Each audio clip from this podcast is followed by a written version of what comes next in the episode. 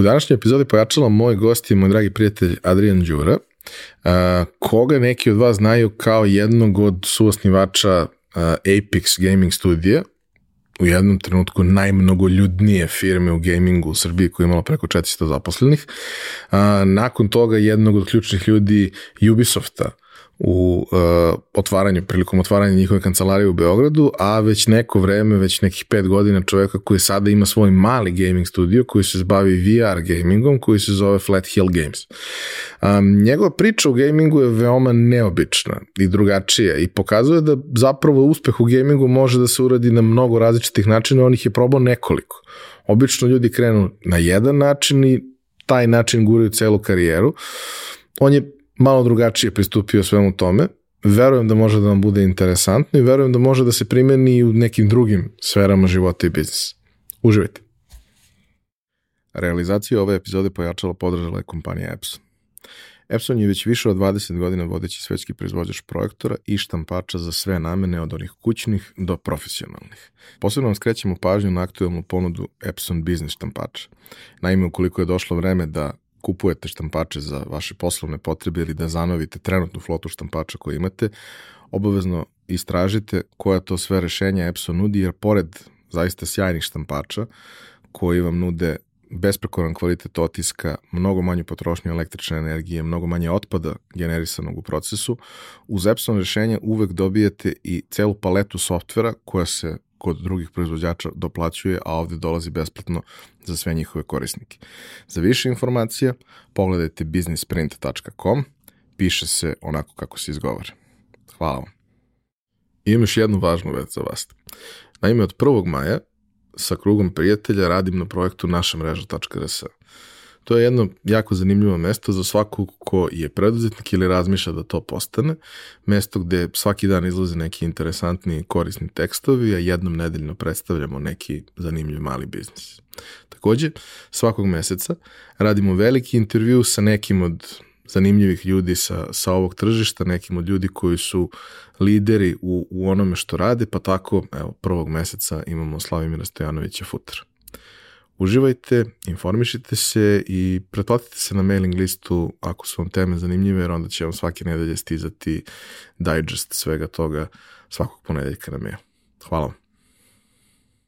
Za slučaj da želite da nas podržite vi individualno, možete da posetite link u opisu podcasta na platformi Buy Me a Coffee i tu možete kupiti mesečnu pretplatu ili jednokratno donirati neki jednost koji želite. Hvala vam unapred na tom.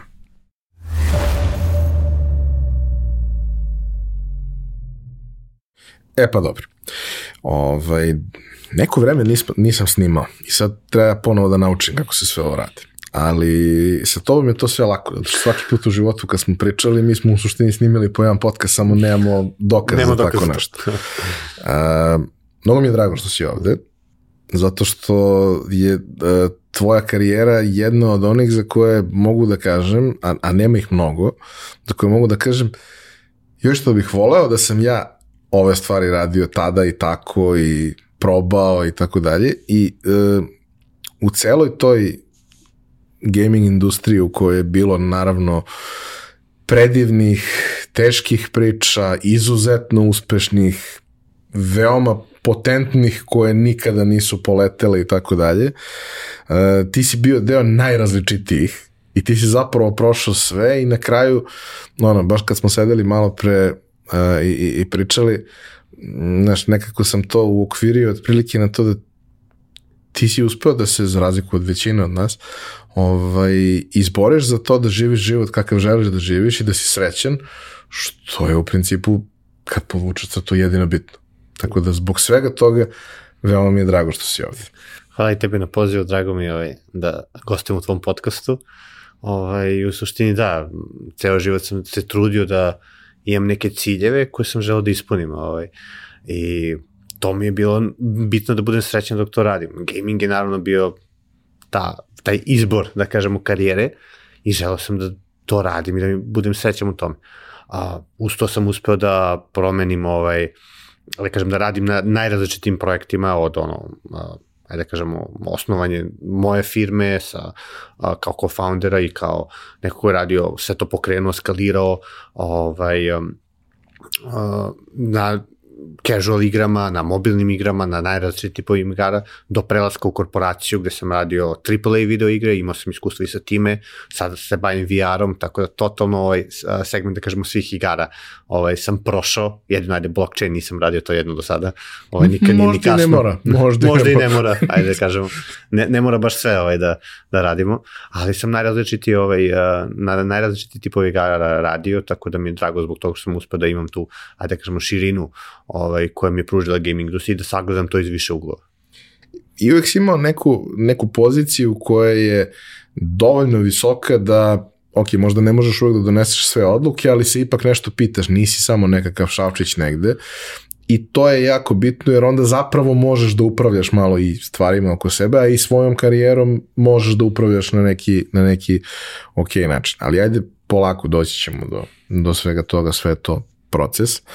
Ovaj, počinjemo kao i uvek u pojačalu, kao i sa svim ostalim gostima, mančmelo pitanjem šta se to budeš kad porasteš?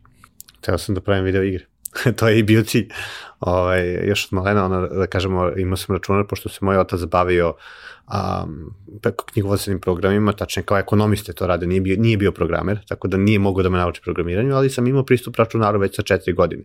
I ovaj, tad sam već počeo da igram igre, um, tad mi je već on napravio one menije u dosu da ono klikneš 1, 2, 3 da uđeš u neku igru, da neko ne možeš da kucaš komande, tako da ovaj, odrastao sam na PC-u, znači nisam imao Amigu ili Commodore, nisam bio taj tip, ali je PC ovaj, od prvih tih verzija DOS-a, ovaj, na tome sam odrastao i igrao sam igre i jednostavno poželao sam da kad porastem da ka, napravim svoje igre, da kažem da radim na tome kao programer ovaj, iz ugla programiranja, da kažemo, me to najviše i zanimalo. A u, na koji način, u kom trenutku si zapravo prvi put skapirao šta se tu dešava, šta, šta postoji ispod, kako bilo šta od toga radi, zato što ono, nama je to sve bilo neverovatno magično da se nešto pokreće na ekranu. Imali smo mi sad da vidimo da se pokreće na ekranu, ali ovo ti kontrolišeš. Ti ovde možeš da utičeš na to što se dešava, što je jedina takva vrsta interakcije koju si imao sa nekim hardverom. Sad možeš da interaguješ sa, sa svim i svačim.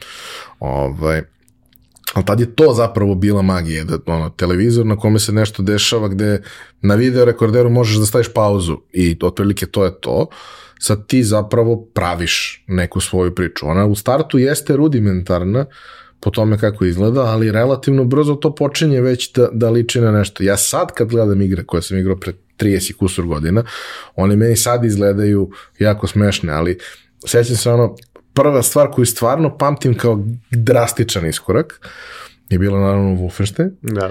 I taj moment da je kao, ali ovo je 3D, pa nije baš 3D, ali nije baš ni da je samo 2D, to je neki 2,5D. A kao ti stvarno se šetaš kroz neke prostorije, imaš svašta nešto novo i to sve izgleda brutalno. Sad kad ga ogoliš, to je nevjerovatno jednostavno ali tad je to bilo potpuno, potpuno magija. Kompleksno je, ajde kažemo, nije, nama to, to sad čini sa ovog aspekta da to bilo jednostavno, ali to je daleko, daleko kompleksno. Sad je bilo. jednostavno zato što ti za gomilu tih stvari sada imaš gotove rešenja Tako. koje možeš da koristiš. Tad je to neko stvarno mora od nule sve da napravi. I mnogo drugačije probleme su tada rešavale nego što se rešavaju sada. Znači sad se rešavaju neki drugi problemi. Tam, tad, tad je bilo više tehnologija, to što je bilo problem kako izvući maksimalno performansi i svega toga. Ovaj, um, ali ja ajde da kažemo, nisam imao uh, osjećaj šta je to igra možda, šta su to elementi igre, nisam ni razmišljao o tome kako ona da se napravi.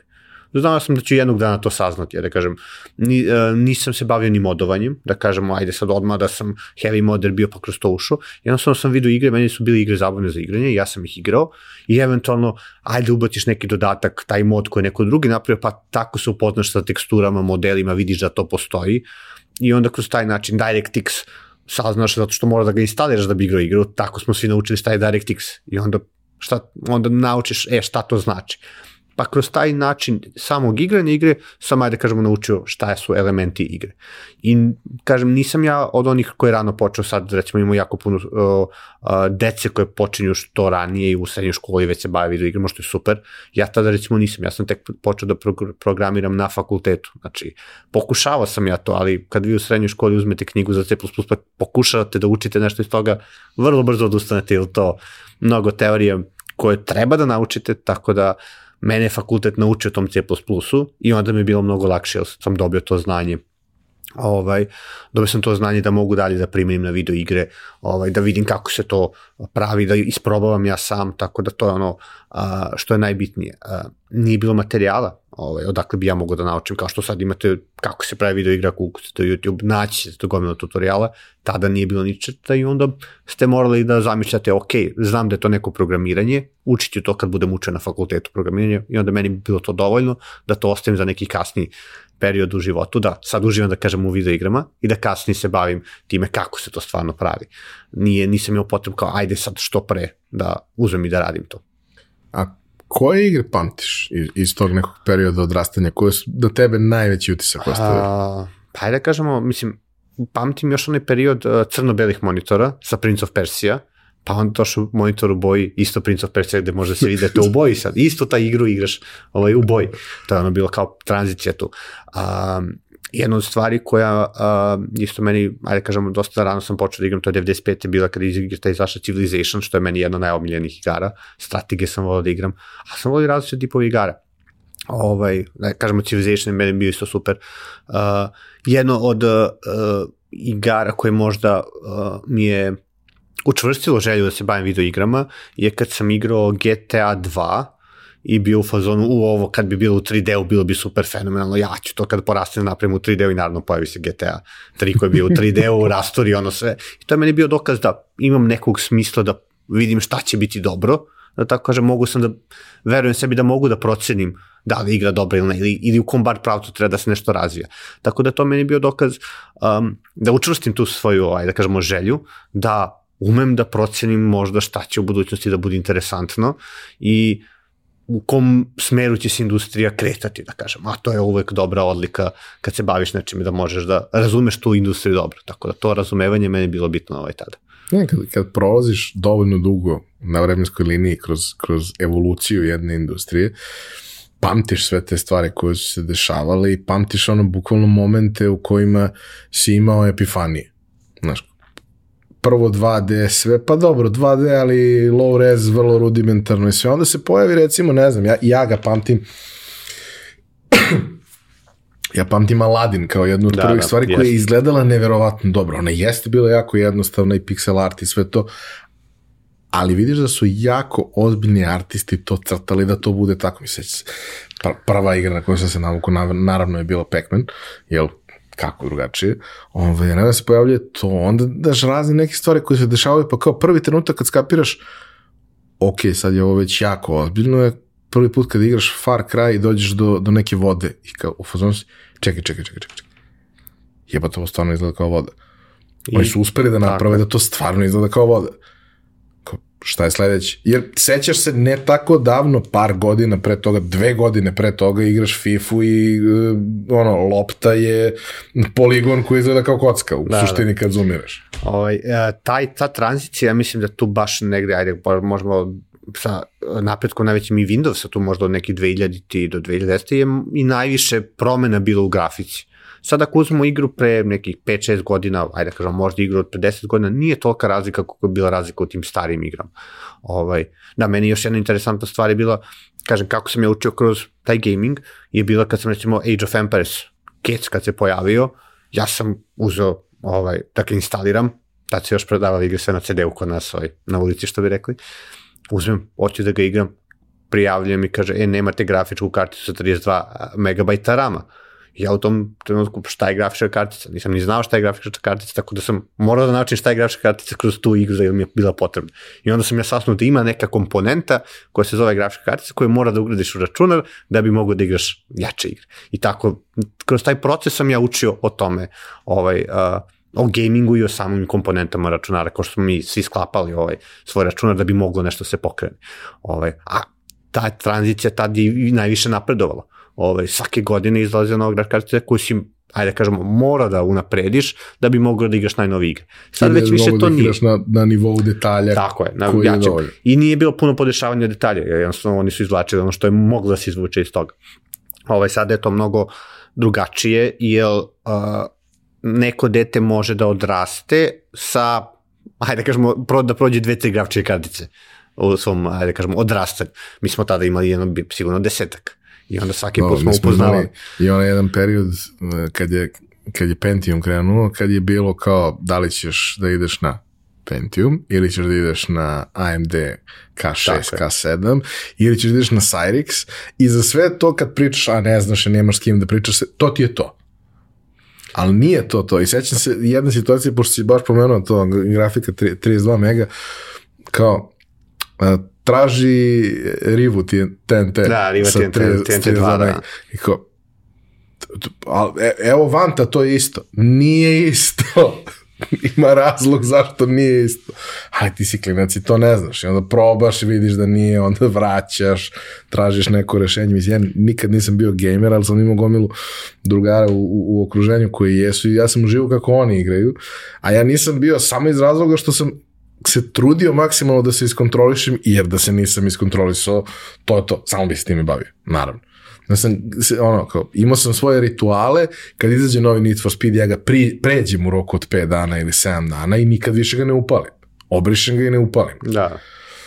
Znaš, Ja ali mislim- to, su, to su ti momenti gde kao kad ulaziš u nešto što zahteva ozbiljan engagement, kao što su bile neke ozbiljne strategije, kao što su i danas, tebi ti ceo život, brate, formiraš u okviru igre ako si toliko posvećen tome. Jeste, to je možda jedan od razloga zašto nikad nisam želeo da igram WoW, ovaj, zbog mogućnosti po, da se previše udobim u tu igru. Igrao sam raz, različite ove MMORPG-ove, ovaj, ali uh, to sam jednostavno znao da postoji šansa da se previše uh, uh, involviram u tu igru, tako da ja sam bio jedan od ljudi koji nije igrao, to nije želeo da uđe u tu igru, ali ne mogu kažem, nisam imao ni problem ovaj, sa predugim igranjem videoigara. Znači ja sam to igrao uh, u nekom, ajde da kažemo, u razumnom, nisam bio ono kao je da mogu tri dana da igram samo videoigre, naravno, kad je društvo tu ideš sa njima i to je uvek bilo prioritet, video igre igraš kad, ovaj, kad imaš vremena da ostaneš kući da se baviš time, tako da to me ono malo pomoglo u tome da ne postanem toliki zavisnik, ovaj, da kažemo, od videoigara kao gamer. Ja, ti, si, ono, ti si na WoW preseko, ja sam na StarCraftu preseko, ali tako što sam ga probao. Instalirao igrao ga 36 sati u cugu, obricu se rekao nikad više neću upaliti. To, To je bilo recimo, znam, možeš. 96, znaš, ono, sedim, instalirao su u petak veče i ustao od računara u nedelju ujutru. Kao, ne. Mislim, previše je lepo, previše je dobro, ne, jednostavno ne. Ali dobro. Um, ajde samo da dođemo do tog fakulteta.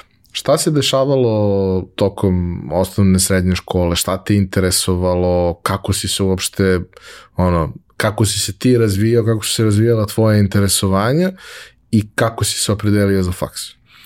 Pa i ajde kažemo, interesovanje su bila uvek za neke ajde, osnovna škola, ajde, ok, igramo igrice, ono, društvo i sve to, ovaj, um, um, više sam bio okrenut ka nekim um, pre, prirodno-matematičkim smer, ajde kažemo, predmetima, matematika, fizika, to me je zanimalo, to sam znao da ću, uh, da bi želeo da se bavim nešto što ima veze sa time. U srednjoj školi sam i bio u gimnaziji matematički smer, tako da, kažem, srednja škola je više bila onako, ajde, igraonica, igre, društvo i tu nisam, um, nisam uš, ušao u programiranje, to ono što sam spomenuo, ovaj, imao sam želju da možda malo se više bavim programiranjem i uh, da naučim više o računarima, ali tad sam već znao da hoću da se bavim programiranjem. Znači, to mi je bilo ono cilj, u srednjoj školi, ok, bavit ću, ići ću na fakultet koji je vezan za to. Nisam znao šta ću da upišem tada, jer je još kao bilo, tek je to krenulo kod nas da se ovaj, razvijati smerovi za IT. Ove, tako da tad još uvijek nisam znao šta bi ja upisao. I čekao sam, posmatrao sam, ali svi moji pokušaj učenja programiranja su failovali iz razloga što mi je bilo teško, nisi imao dakle da učiš i nisam znao niko ko zna da programira ko bi mogao mene da gura, što je, mislim, izuzetno bitno, što mi je super što sad imamo tu, ajde da kažemo, i zajednicu i sve, i ljudi mnogo I lakše ti si mogu. bio u maloj sredini. I ja sam bio u maloj sredini, ja sam živao u Alibunaru, tamo sam završio osnovnu školu, posle sam uh, srednju školu završio u Vršcu i to je isto i, ajde da kažem, problem. Nije, nije mala sredina, ali opet nemaš toliko dodirnih tačaka sa nekako ko se bavi programiranjem i stvarno da vidiš da neko to radi već, da neko živi od toga.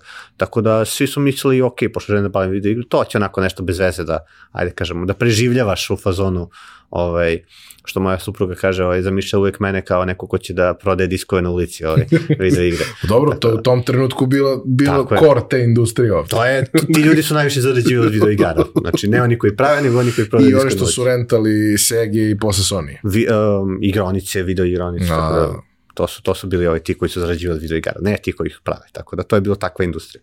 Tako da, da kažem, to je ono bilo ono, klasični srednjoškolac koji ono, uh, um, nije odudarao, ajde da kažemo, previše od um, ostalih. Um, bio sam dobar, ajde da kažemo, matematici u tim nekim fizika, te predmeti koji su bili više uh, vezani za tu, uh, tu oblast. Uh, I, kažem, to je mi i bila ideja da upišem fakultet znači, za programiranje. Uh, i tad sam odlučio da upišem ovaj ETF, jer se tad otvorio smer softversko inženjerstvo. Ja sam bio druga generacija tog smera, koji mi je pruže upravo ono što sam ja želeo da radim, a to je da a, se bavim programiranjem bez mnogo elektronike, elektrotehnike, jer to je meni kod ETF-a bio jedan od problema, kao ako upišeš to, onda moraš da učiš mnogo o hardveru, što ja nisam želeo, ja sam želeo više da se bavim programiranjem i onda meni stvarno super što je taj smer se pojavio i onda sam ja bio druga generacija koja je upisala taj smer. Ovaj, sada je izuzetno teško upisati to, tada je bilo lako koje god je želao mogu to da upiše. Nije čak ni bio priznat tad smer, pa je bilo samo finansiranje, što je bio jedan od problema, ali ok, meni su roditelji mogli da priušte, ajde kao samo finansiranje, da su videli da sam želao stvarno to da radim. Tako da to je ono što, je, što me uvek zanimalo. I u srednjoj školi sam se uvek, ajde da kažemo, uh, pomagao i postavljao mreže, mreže u firmama i tako da je zarađio neku, neki džeparac Uh, pa su videli da stvarno i želim da se bavim tim i da mogu nešto da uradim. Ajde da kažem, makar postavljajući mreže po firmama, ajde da kažemo. Ovaj ka, kao neki posao. Ali ovaj svaka vrsta inicijative koja dolazi od deteta, znaš, ti je, treba je, treba je zaista slušati i uvažavati, jer samo na taj način može bude zaista srećan kasnije kroz, kroz to što radi. Ja zato pitam sve ljude koji, koji dođu u pojačal šta ste budeš kad porasteš, jer jebi ga, ako nisi našao način da to inkorporiraš na neki deo svog života, možda ne kao profesiju, ali kao hobi ili kao nešto, ne, neće to biti to. Nećeš biti ono, mali ti koji i dalje negde postoji unutra, nije srećan, a onda nije veliki ti, obično nisi srećan. E, uh, ETF je uvek važio za izuzetno težak fakultet to svi kažu postoje određeni sindromi koji su posledica studiranja na ETF-u, što kažu ovaj, neki moji drugari. Težak u smislu izuzetno zahtevan, izuzetno obiman. Ono što su mnogi ljudi hvalili jeste zapravo neka širina znanja koju dobiješ i, i mogućnost da zaista dubinski neke stvari razumeš, da zaista budeš fantastičan što se tiče matematike koja je, jeste preduslov za većinu onoga čime se bavimo, matematika, statistika, sve što uz to ide, da ti stvarno odatle izađeš šta god da ti je smer kao jedan ozbiljan inženjer. Čak i ako ga ne završiš, vrlo često si ti u tom putu ovaj, naučio dovoljno toga da možeš da kažeš za sebe da si jedan ozbiljan inženjer. Ali, Uh, ono što je uvek bilo problem i sada je u nekom obimu, iako je dosta, dosta bolja situacija, jeste zapravo primenjivost toga i aktuelnost toga što ti učiš. Ja se slažem da svako od nas mora nauči osnove, ali ako si ti naučio osnove i sa tim osnovama ne možeš da uradiš ništa, taj preskočiti taj gap koji postoji je jako teško. Sada je lakše jer ima mnogo ljudi koji imaju vrlo jasan interes da ti pomognu da taj gap preskočiš, a imaš i dostupno sam ako hoćeš. Ali tada nije bilo. Kako? A, meni je ovaj, bilo to dobro i prednost, zato što se dosta fakultet fokusirao na C++, na, da kažemo, te teže stvari koje nisu Hardcore. bile primenljive, ali koje su izuzetno primenljive u gamingu. I to je ono što je razlika za mene činila. A, recimo sada, ako neko želi da se bavi web developmentom, taj program koji sam ja završio na TF-u neće mu biti toliko primenljiv. Ima možda jedan ili dva predmeta koji su vezani za to. Tako da možda sad je potrebno da imamo usmerenja mnogo detaljnije, jer sad IT je toliko porastao, toliko različitih zanimanja imamo, da je možda potrebno to dosta profilisati. Tad je bilo onako da se uči osnovno to programiranje koje meni te osnove su mi jako puno značile kasnije i mnogo sam bolje razumeo. Čak i web development ja razumem kako on radi u pozadnji svega toga zbog tog low level nivoa programiranja koji sam ja učio. Ako neko uči samo ovaj, um, web development, on neće znati šta se sve tu krije u pozadini i mnogo će mu teže biti. Tako da tu se dobija ta prednost učenja svega toga. A, da ja sam naučim svu tu teoriju, da kažemo i to, taj low level, jako teško. Kao prvo, da kažemo, nije toliko zanimljivo i onda ne možeš tebi da natiraš to da uradi. Tako da, fakultet te natira to da naučiš, super, ti onda dopuniš svoje znanje sa stvarima koje te možda zanimaju i onda zato imamo toliko dobrih programera, zato što su prošli kroz, kroz taj drill teškog programiranja, a onda sve to što kad kreneš u web development, uh, u aplikacije za mobilne telefone, to, to izgleda lakše zato što si najteži deo prošao. I onda je to prednost tog fakulteta što ja smatram evo lično i uh, ljude koje sam uh, koje su radili ko, u mojim firmama gde sam ja uh, vodio neke firme uh, koje su dolazili iz ETF-a tačno se vidi to znanje i uh, um, tog C++, ajde kažemo, mislim pričam mnogo o C++, ali ovaj, to je ono što je različito od drugih fakulteta gde se to najviše forsiralo. Ne, uvek imaš taj moment, ono, kad je počelo to sa srednjim školama kao da se uvodi programiranje i to sve, naravno, mi smo imali, mi smo imali C u četvrtoj godini, ovaj, ali pre toga smo imali naravno dve godine Pascala, I Pascal je super zato što je jednostavan, laga. Basic je još jednostavniji za gomilu tih nekih stvari koje tebi trebaju da ti prvi put napraviš neš, neku mrdalicu ili nešto, da, da znaš da si nešto uspeo da stvoriš. Ali onda pređeš na nešto za odrasle i shvatiš da, da, to nije, da to nije ista igra uopšte, da to nema veze jedno s drugim, nije isti sport. Ove, ovaj, I to je isto kao na većini ozbiljnih fakulteta je to bilo kao ok, u, čem, u, u čemu se radi? Pa sad kao, COBOL, Fortran, C++. Kao, ali to nikome ne treba. Znači, ne, pola svetske ekonomije se vrti i dalje na tome. Zato što znači... kažu, najplaćeni programeri su ti koji u COBOL i Fortranu rade, zato što nema, nema ih uopšte i onda ne mora neko da država Niko se ne seća vremena kad je nastao softver koji se i dalje koristi. Zašto? Zato što 60 godina radi. što, što da ga menjamo kad radi? Šta god drugo da napraviš, neće baš tako dobro i pouzdano da radi. Sve što je novije, uh, nema taj životni vek što je imalo tih starih sistema. I potpuno drugačije pristupaš, samo baš sa dosta ljudi sam i pričao i sam sam se negde bavio programiranjem tamo kraj 90-ih, početak 2000-ih relativno, relativno ozbiljno za jednog klinca. Uh, kao potpuno drugačije ti pristupaš svemu kad znaš da su resursi koji imaš vrlo ograničeni, vrlo limitirani, moraš da razmišljaš o svemu i o vremenu koje je potrebno da se nešto izvrši i kako možeš da ubrzaš neke stvari i kada 2020. ili 15. ili 10. količina resursa koju imaš nije beskonačna, ali je hiljadu puta veća nego pre pet godina. Da, I već... ne košta ništa, imaš i cloud, imaš sve, znači u suštini o optimizaciji i pouzdanosti brineš mnogo manje u proseku. Ali opet za nešto ozbiljno, znaš kao, uh, uh, samovozeći automobili, pa ne želiš da ga neko napravi u nekom ono besplatno dostupnom softveru koji je pisao neko ko je studirao fakultet za koji se za koji vole da kažu da je tehnički. Da. Ovaj, za većinu stvari da, I ne, ljudi ne razmišljaju ni o memoriji ni o optimizaciji, zato što imaš resurse i višak i to je to. I onda recimo ti otvaraš jedan web sajt koji se otvara 5 sekundi i to je to. A za isto vreme, mi recimo, aj konkretno malo da se to VR-a, moramo u 16 milisekundi da renderujemo 144 slike. Znači, to je ono potpuno drugi level ovaj, gde performanse optimizacije moraju da budu toliko, toliko agresivne, da kažemo, da bi ti sve to morao da ispoštuješ. Tako da i dalje imamo tih stvari, i dalje gaming industrija tako je najviše, ajde da kažemo, optimizuje, uvek pokušaš da izvučeš maksimum performancije tih ostalih. Ali recimo trenutno mobilni telefoni za te obične, što jednostavnije aplikacije, to si više, ovaj, da kažemo, manje ćeš se baviti performansijom ili imaš previše resursa. I onda ćeš dobiti neku aplikaciju na Androidu koji ti troši 80% baterije za vrlo brzo potroši. I ovaj, niko neće primetiti to. Ok, prolazi. Nema, nema nekih stvari koje ne može da radi. Tako da gaming je taj uvek koji je bio guro i te performanse i što je meni super da se bavim time, zanimljivo mi je i onda sam uvek mogu da, kažem, se bavim tim performansama, optimizacijama, ovaj, da se bavim tim hardcore programiranjem, da kažemo, koje je zanimljivo meni. Meni je jedan moment uvek bio tu fascinantan, ovaj, jer nekako sam uvek pokušavao sebi da objasnim da kompjuter ne služi za igranje, nego konzole služe za igranje.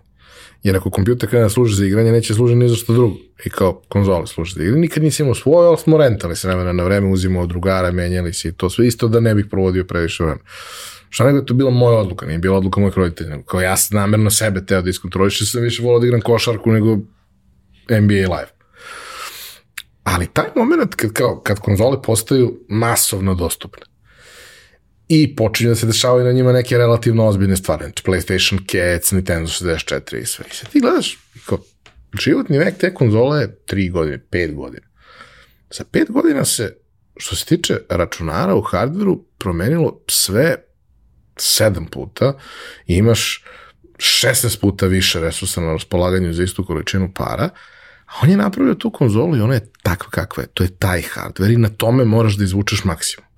I ljudi su uspevali da u tih pet godina, a nije to nikad pet, to je još jedno dve verovatno u pripremi ili godinu dana u pripremi, da od ono prvih verzija tih igara do kraja životnog ciklusa te konzola koji nikad nije tu, koji je za 10 godina, ali ne izlaze nove igre, da prave neverovatne razlike, da ti igru koja je izašla u trećoj godini postojanja PlayStation Catsa, kad pogledaš si u fazonu, kako je ovo moguće da se vrti na onom istom hardveru na kojem i meni je to bilo neverovatno i to mi je bilo wow. Jer ovo što stalno moraš da kupuješ nešto novo, to je znaš, non stop ti izloči pare iz džepa. A ovde si se ti venčao za nešto i to radi sjajno. Da, to, ovaj, a, to je zbog toga što imaš jednu konzolu za koju praviš igru i za nju optimizuješ. I mnogo više vremena provedeš op, radići te optimizacije za nju.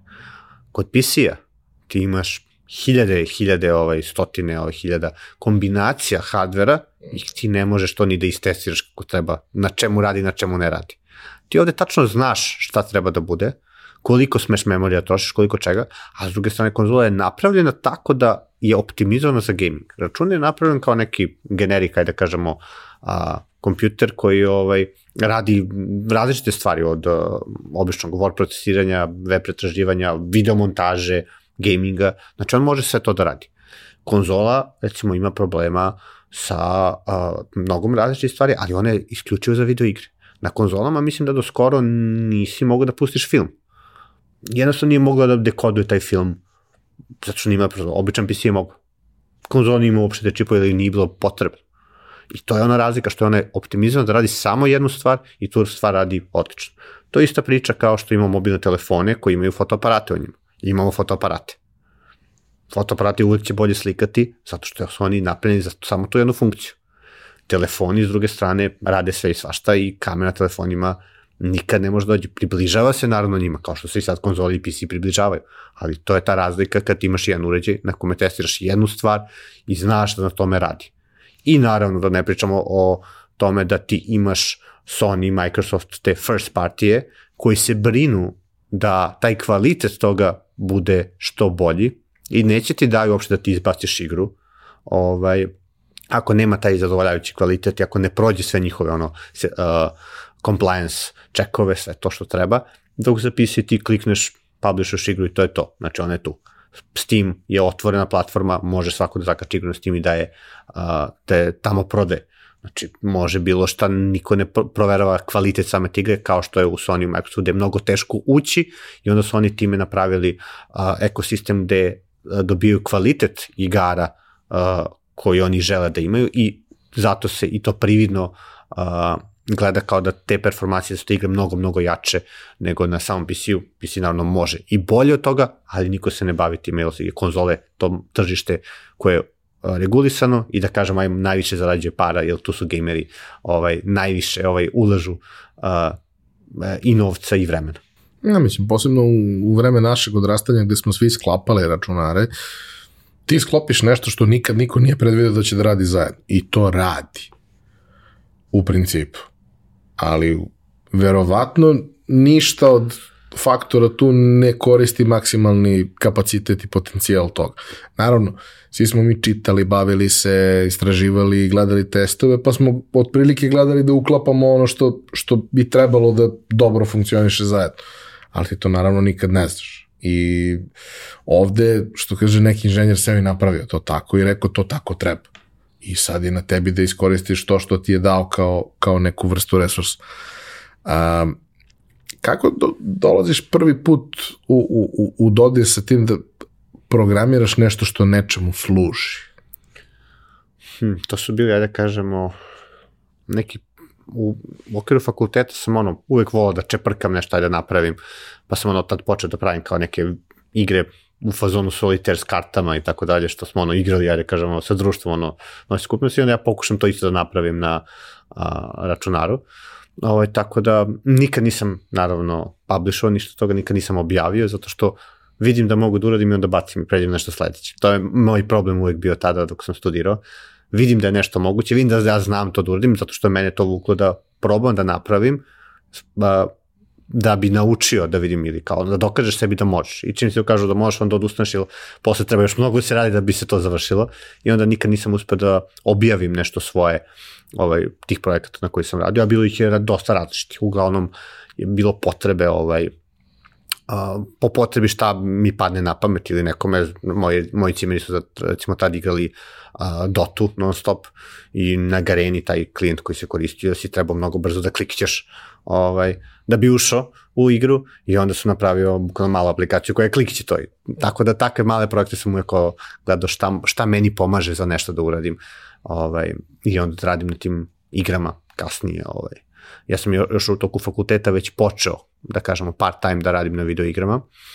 Ovaj, tako što su moji, moje kolege s fakulteta isto počeli da rade part time ovaj, u nekim različitim firmama i onda je malo i to problem, svi rade nešto, ja ne radim ništa i malo se loše osjećaš zbog toga, a ja želim da se bavim gamingom i onda sam jednostavno uzao i pisao svima koji se bave gamingom mail, neko je odgovorio i ovaj, onda smo tako počeli da radimo na, na projekt. Tako sam upoznao ovaj, uh, i Mirka, s kojim, od čega kasnije nastoji Apex i sve to kroz taj, da kažemo, part-time rad na projektima ovaj, uh, dok sam studirao. A, uh, koliko ti je značilo to što kao ulaziš part-time u deo nekog kolektiva gde uh, si ti neko ko najmanje zna, recimo možda imam najveći potencijal, ali najmanje zna. I u principu je Alien tu, nije, nije lako baš prihvatiti ga, to su uglavnom bile tada vrlo male priče, ljudi koji su vrlo povezani, posvećeni, tek kasnije smo došli do toga da postoje neke masovne priče, pa ti nađeš šta ti odgovara u masovnoj priči, a ovde moraš da funkcionišeš sa ljudima koji prihvataju da im treba pomoć, ali nije baš tako lako da prihvataju nekog pa, novog. To su uglavnom bili, da kažem, outsourcing projekti vezani za gaming, jer nije, nisu postale firme kod nas. I onda su ljudi radili na projektima, nisu radili za firmu, nego na projektu. I onda projekat ima određene delo i onda ti radiš na jednom delu za taj projekat. Tako da je mnogo lakše bilo ući u samo primjer. to. A, uh, sad, uh, pa bilo je tu različitih sitnih igara koji su, ne znam, uh, tipa Sokoban ili tako nešto ovaj, uh, tih stvari gde ti mora da programiraš logiku pomeranja blokova. Recimo, to je recimo jedna od tih stvari. Um, pa neke 2D igre gde radiš borbe, neke različite. Ovaj. Um, sve to bilo um, gde si imao određeni deo koji je segmentiran, gde su ti ljudi koji su vodili taj projekat to segmentirali na delove i onda meni dali to nešto da radim ovaj, tada. Uh, ovaj, mi to odradimo, završimo i to je to. Tako da to je ono bilo po projektu, znači nije bilo to stalan posao, nego eto meni da a, imam neki džepar sa strane da se dobro osjećam što eto nešto radim. A kad si pomislio i krenuo malo ka tome da, da od toga bude nešto ozbiljnije? A, pa tada eto, a, kad smo u suštini počeli sa Apexom, ovaj, tada je ovaj, došlo to o, do saznanja o tom nekom tržištu hopa igara, hidden object puzzle adventure igara, to je jedan niš tip igara, a, koje smo videli da je stabilno tržište, ovaj moj partner Mirko je tada to otkrio i podelio sa mnom i tada Vladimirom i mi smo ovaj, tad pričali o tome uh, da bi bilo super da se bavimo time, video igre su u pitanju od koje može se zaraditi, ili šta je bio problem? Niko ne žele da se bavi outsourcingom, svi žele da jednog dana prave svoje igre i onda je ovo način da ti napriš neku svoju igru, ok, nije igra koju ti želiš da igraš, ali igra koja može da ti obezbedi pare da živiš od toga. Da možeš da se time baviš. I da možda se igraš nečim u slobodno vreme ili da tako da deo vremena posvetiš nekom Da kasnije projektu. može da za 10 godina praviš svoju igru, da tako kažemo, koju ti želiš. Tako to je bila ta ideja i onda smo mi u tu priču krenuli da ovaj, pravimo te prototipove, da pičemo i da krećemo u taj biznis. U kojim godinama pričamo?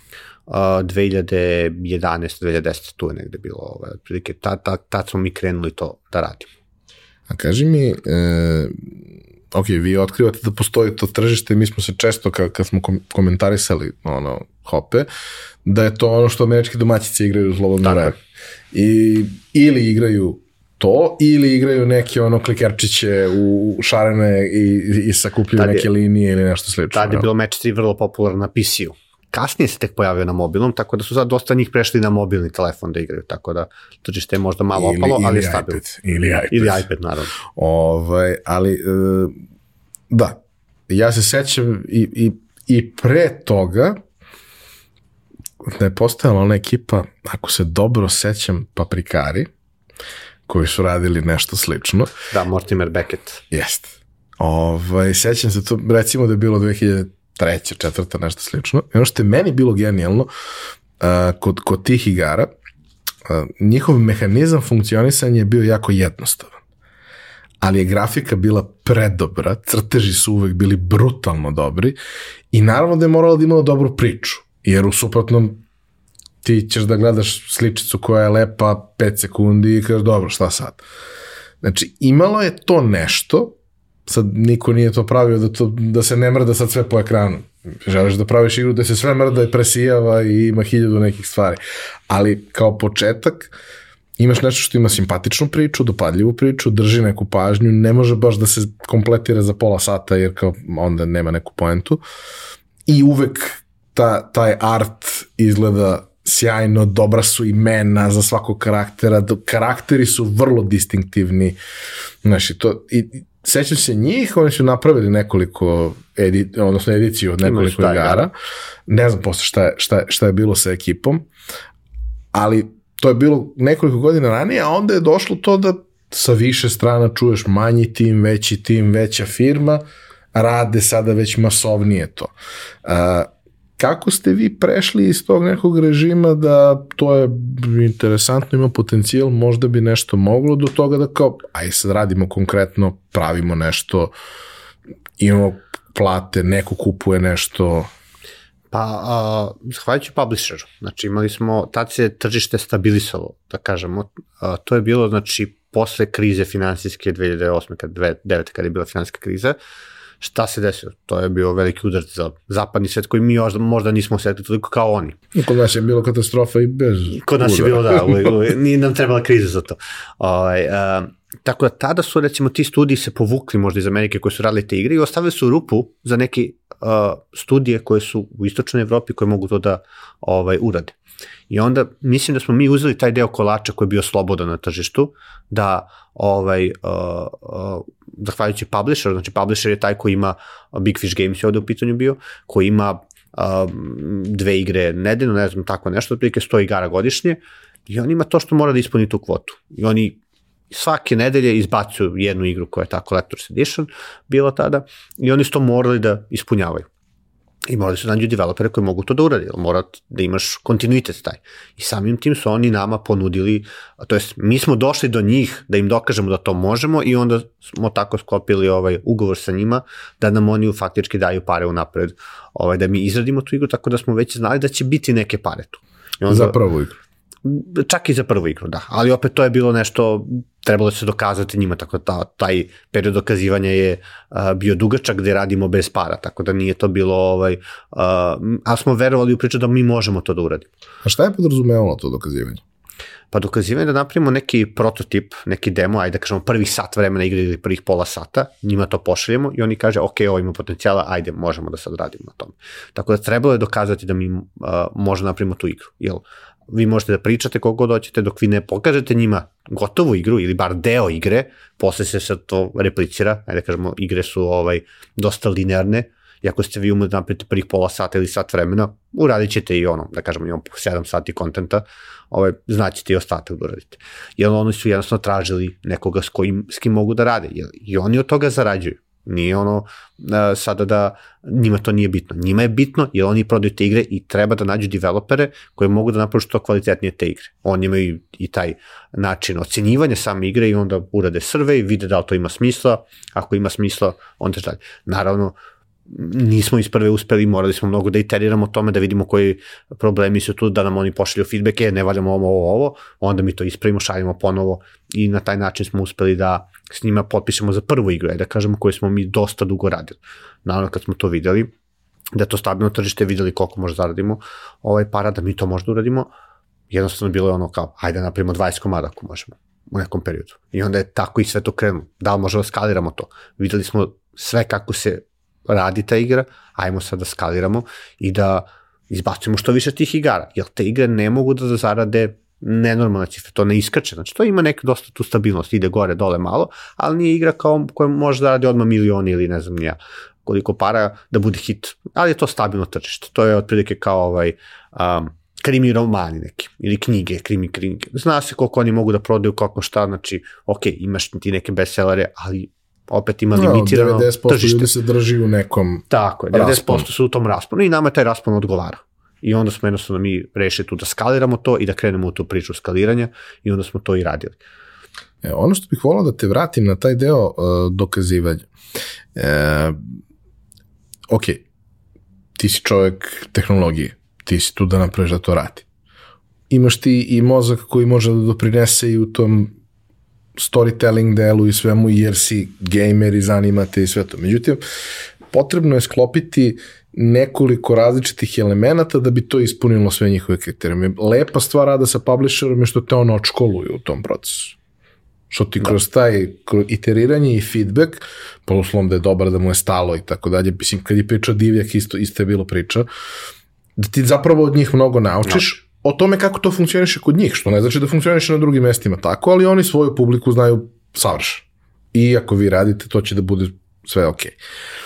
A ono što je meni tu e, nekako interesantno je da ti i u tom trenutku kada niti imaš tim, niti imaš firmu, ti imaš ideju i vidiš potencijal i vi ste drugari, ti ipak moraš da formiraš jedan prilično ozbiljan multidisciplinarni tim da bi to što ti njemu prezentuješ bilo proizvod koji može da se kvalifikuje za nešto. Znači, mora da izgleda kako treba, mora da zvuči kako treba, mora da bude napisan kako treba, da ima dobre dijalogije, da sve to, što kao, jebi ga, ne može jedna osoba ili dve osobe, ne mogu same to da urade.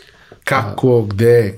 Pa mi smo imali tri osobe koje su bili taj kor i te tri osobe su mogli sve to da radi to je, ja sam bio ta što se tiče tehnologije, Vladimir je bio što se tiče arta, sve vezano za art, Mirko s druge strane game design, zvuk, muziku, sve on to radio, tako da mi smo uspeli da kombinujemo to u tri osobe. Tri ludaka. Tako je, tri uh, osobe koje veruju u nešto da može da bude od toga nešto, tako da s tom idejom ovaj, da uspemo to da, mi smo znali da možemo sami to da izvedemo, ali naravno čim možeš da priustiš neke SOS, onda se to širilo da bi to što brže uradili. I, ali opet svako od nas je znao svaki deo posla da uradi, ne svaki deo, nego svoj deo da uradi. I time smo mi sklopili tim koji može da ode, ta, čak i ako nemaš nekog tu sa strane da ti pomogne, nastrojiti smo bili dovoljni da napravimo taj bar demo, ajde da kažemo, a posle kad se tim širio ljudi, tih prvih, ajde da kažemo 10 ljudi, već je ono bilo širenje, ovaj, je mogu cijelu igru da napravi, tako da ne znam tačno koliko ljudi je radilo na prvoj igri baš koje smo mi radili, da smo mi već, već sad krenuli sa širenjem, ali ovaj, imali smo, ja mislim, tri programera smo imali tad, ja i još dvojica, ovaj, što tiče arta, tu je bilo malo više ljudi, jer je trebalo dosta količina arta, ali sa tim timom smo mi mogli da ovaj, uh, uradimo prvu igru i da krenemo na drugim igrama. Ovaj, uh, jedan programer je kasnije po projektu bio dovoljan da jednu igru isporuči. E, pričat ćemo to kako, kako ste izgradili zapravo sistem, jer ono što je bilo potpuno neverovatno i u nekom periodu kad smo sarađivali, sve je bilo to da kao, ok, treba nam, ne znam, za nešto nam treba gaming studio koji ima iza sebe nekoliko naslova, kao, dobro, koliko je nekoliko? Pa kao 10, ok, znam jedan koji ima 50. Kako? Znam jedan koji ima 50, jer u tom trenutku vi ste ih imali 50. Uh, doći ćemo, kažem, do toga kako je to sve moguće, ali bih voleo da, da, da se malo, da, ne verujem da ima mnogo u, u publici koja ovo sluša ili gleda, ovaj, ne verujem da ima mnogo uh, američkih domaćica.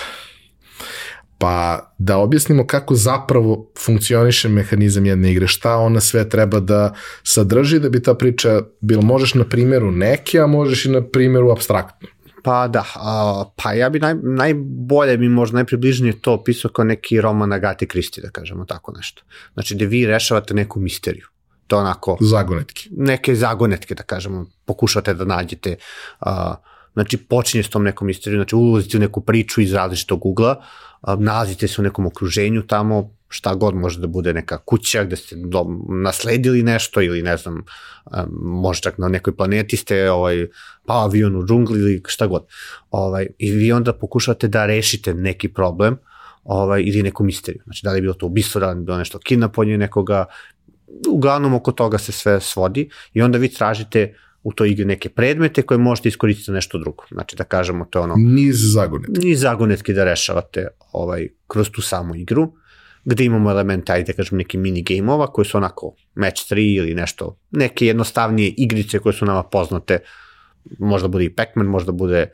Uh, Jednostavne igre koje su igre u okviru igre. Tako, igre u okviru igre, to su kao neke te male i imamo te hidden object igre gde vi imate spisak predmeta i morate da ih nađete u nekoj zatrpanoj sceni.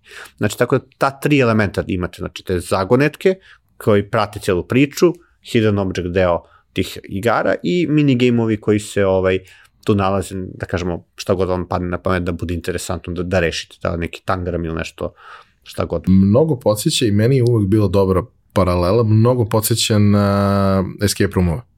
Uh, da, otprilike, e, uh, posle su, escape roomi su nastali, nastali posle toga, ali to je u suštini to, gde vi rešavate te zagonetke i to je to. Ovaj, tako da prvo te escape roomi su na, i nastali kao neke igre od ovoga, ljudima šta je bilo interesantno, kasnije smo imali i u fizičkom obliku ovaj, imamo escape roomove. Uh, koliko sadržaja je potrebno za jednu igru? Uh, I kako se uopšte određuje koliko sadržaja da. zahteva vreme, koliko novca će biti svaka igra, da li će igra postati, ono, biti one-off ili će biti serijal? Uglavnom se i najviše radi na tome da budu to serijali. Ovaj, a, da možete kasnije da nastavite neku priču. Ne mora da budu nevezane, ali bar da pratite tu tematiku jer vam je lakše, ali imate već Ima neku tematiku. Ima Tako. cela priča. Ako naravno prva verzija bude uspešna i onda vidite da ima smisla, onda vi taj uh, univerzum možete da prenesete u drugu igru.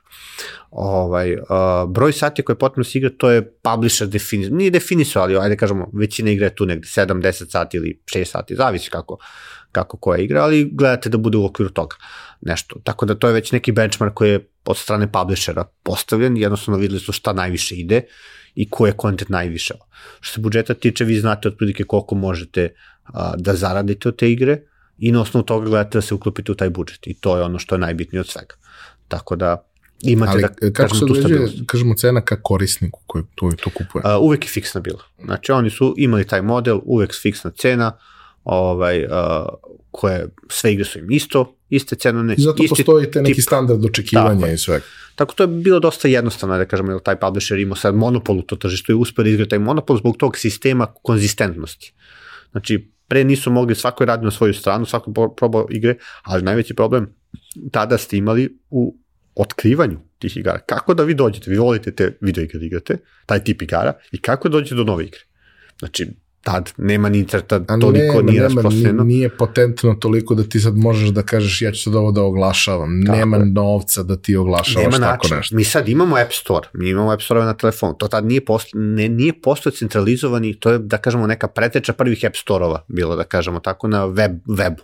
I oni su napravili taj, tu prodavnicu gde ste mogli da odete i svi, sve igre tog tipa su bile tamo.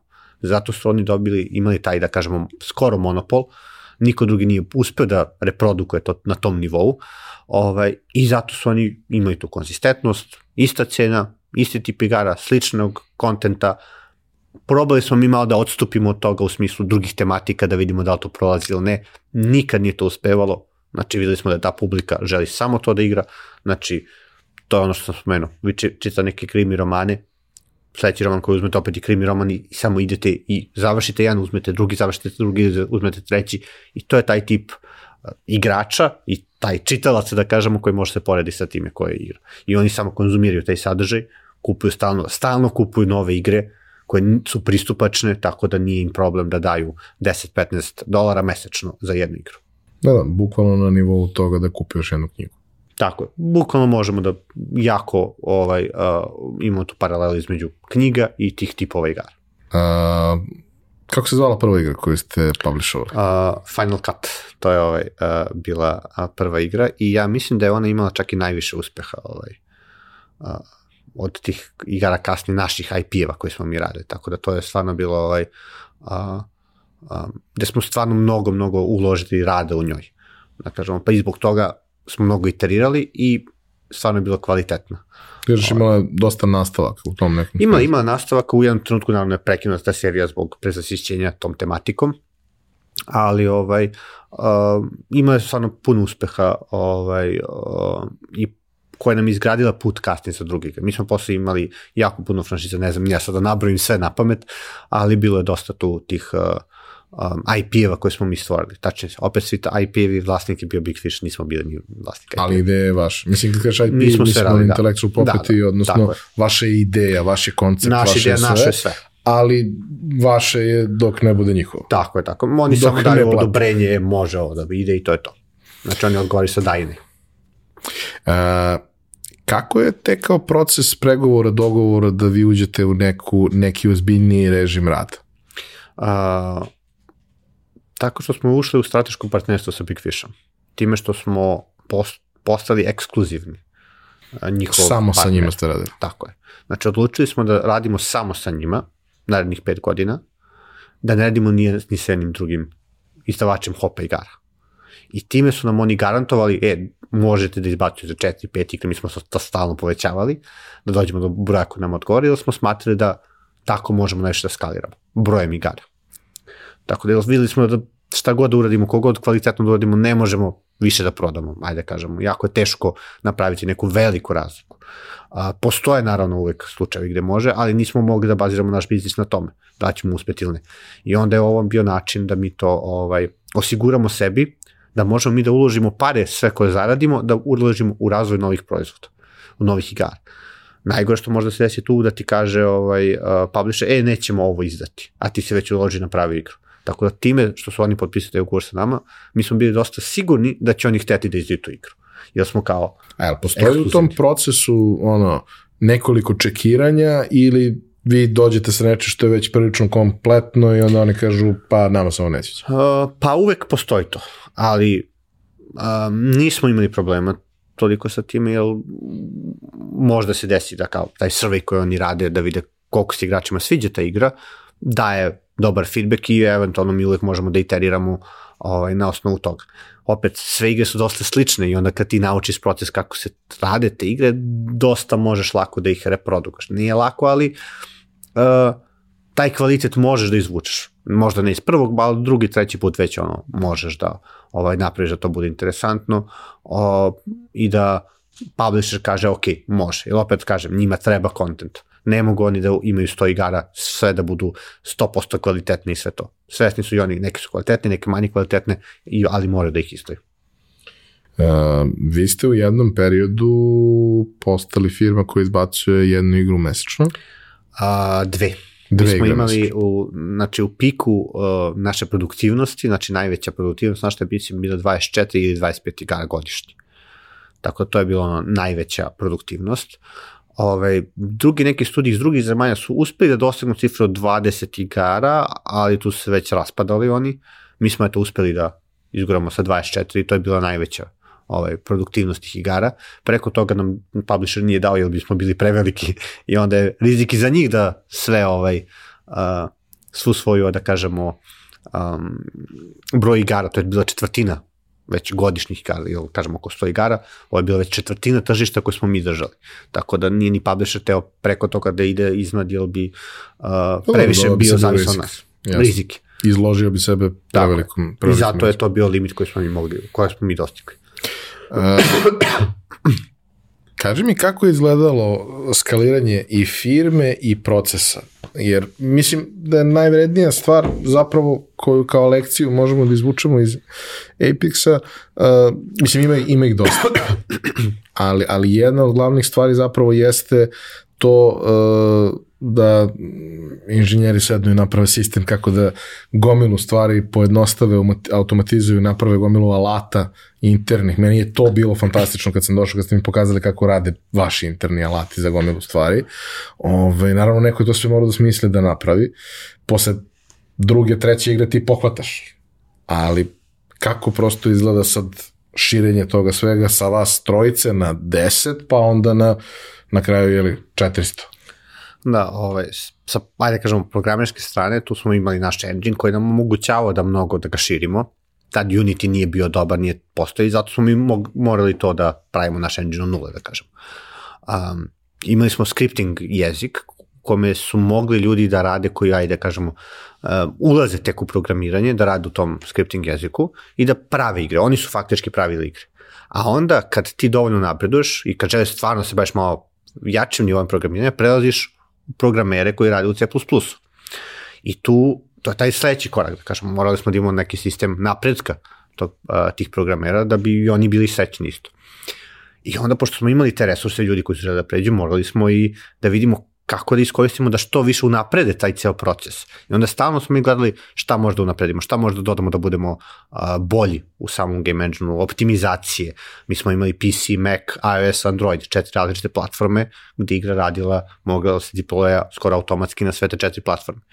Ovaj, I stalno smo pokušavali, što tiče tehnologije, da guramo to napred i napred i napred i fičera koji, ovaj, da kažemo, tulova koji će moći da, obe, da nekom level dizajneru koji se bavi dizajnom tog nivoa, da mu olakša posao, da ga ubrza, da mu da neke već gotove stvari. Tako da uvek je bio cilj programera da se bavi unapređenjem celog sistema, ti koji su radili na sam tam engine deo, na scripting oni su se bavili uh, samom pravilnju igre, ali ujedno su i oni jako bitan feedback davali i input kako to da se uradi.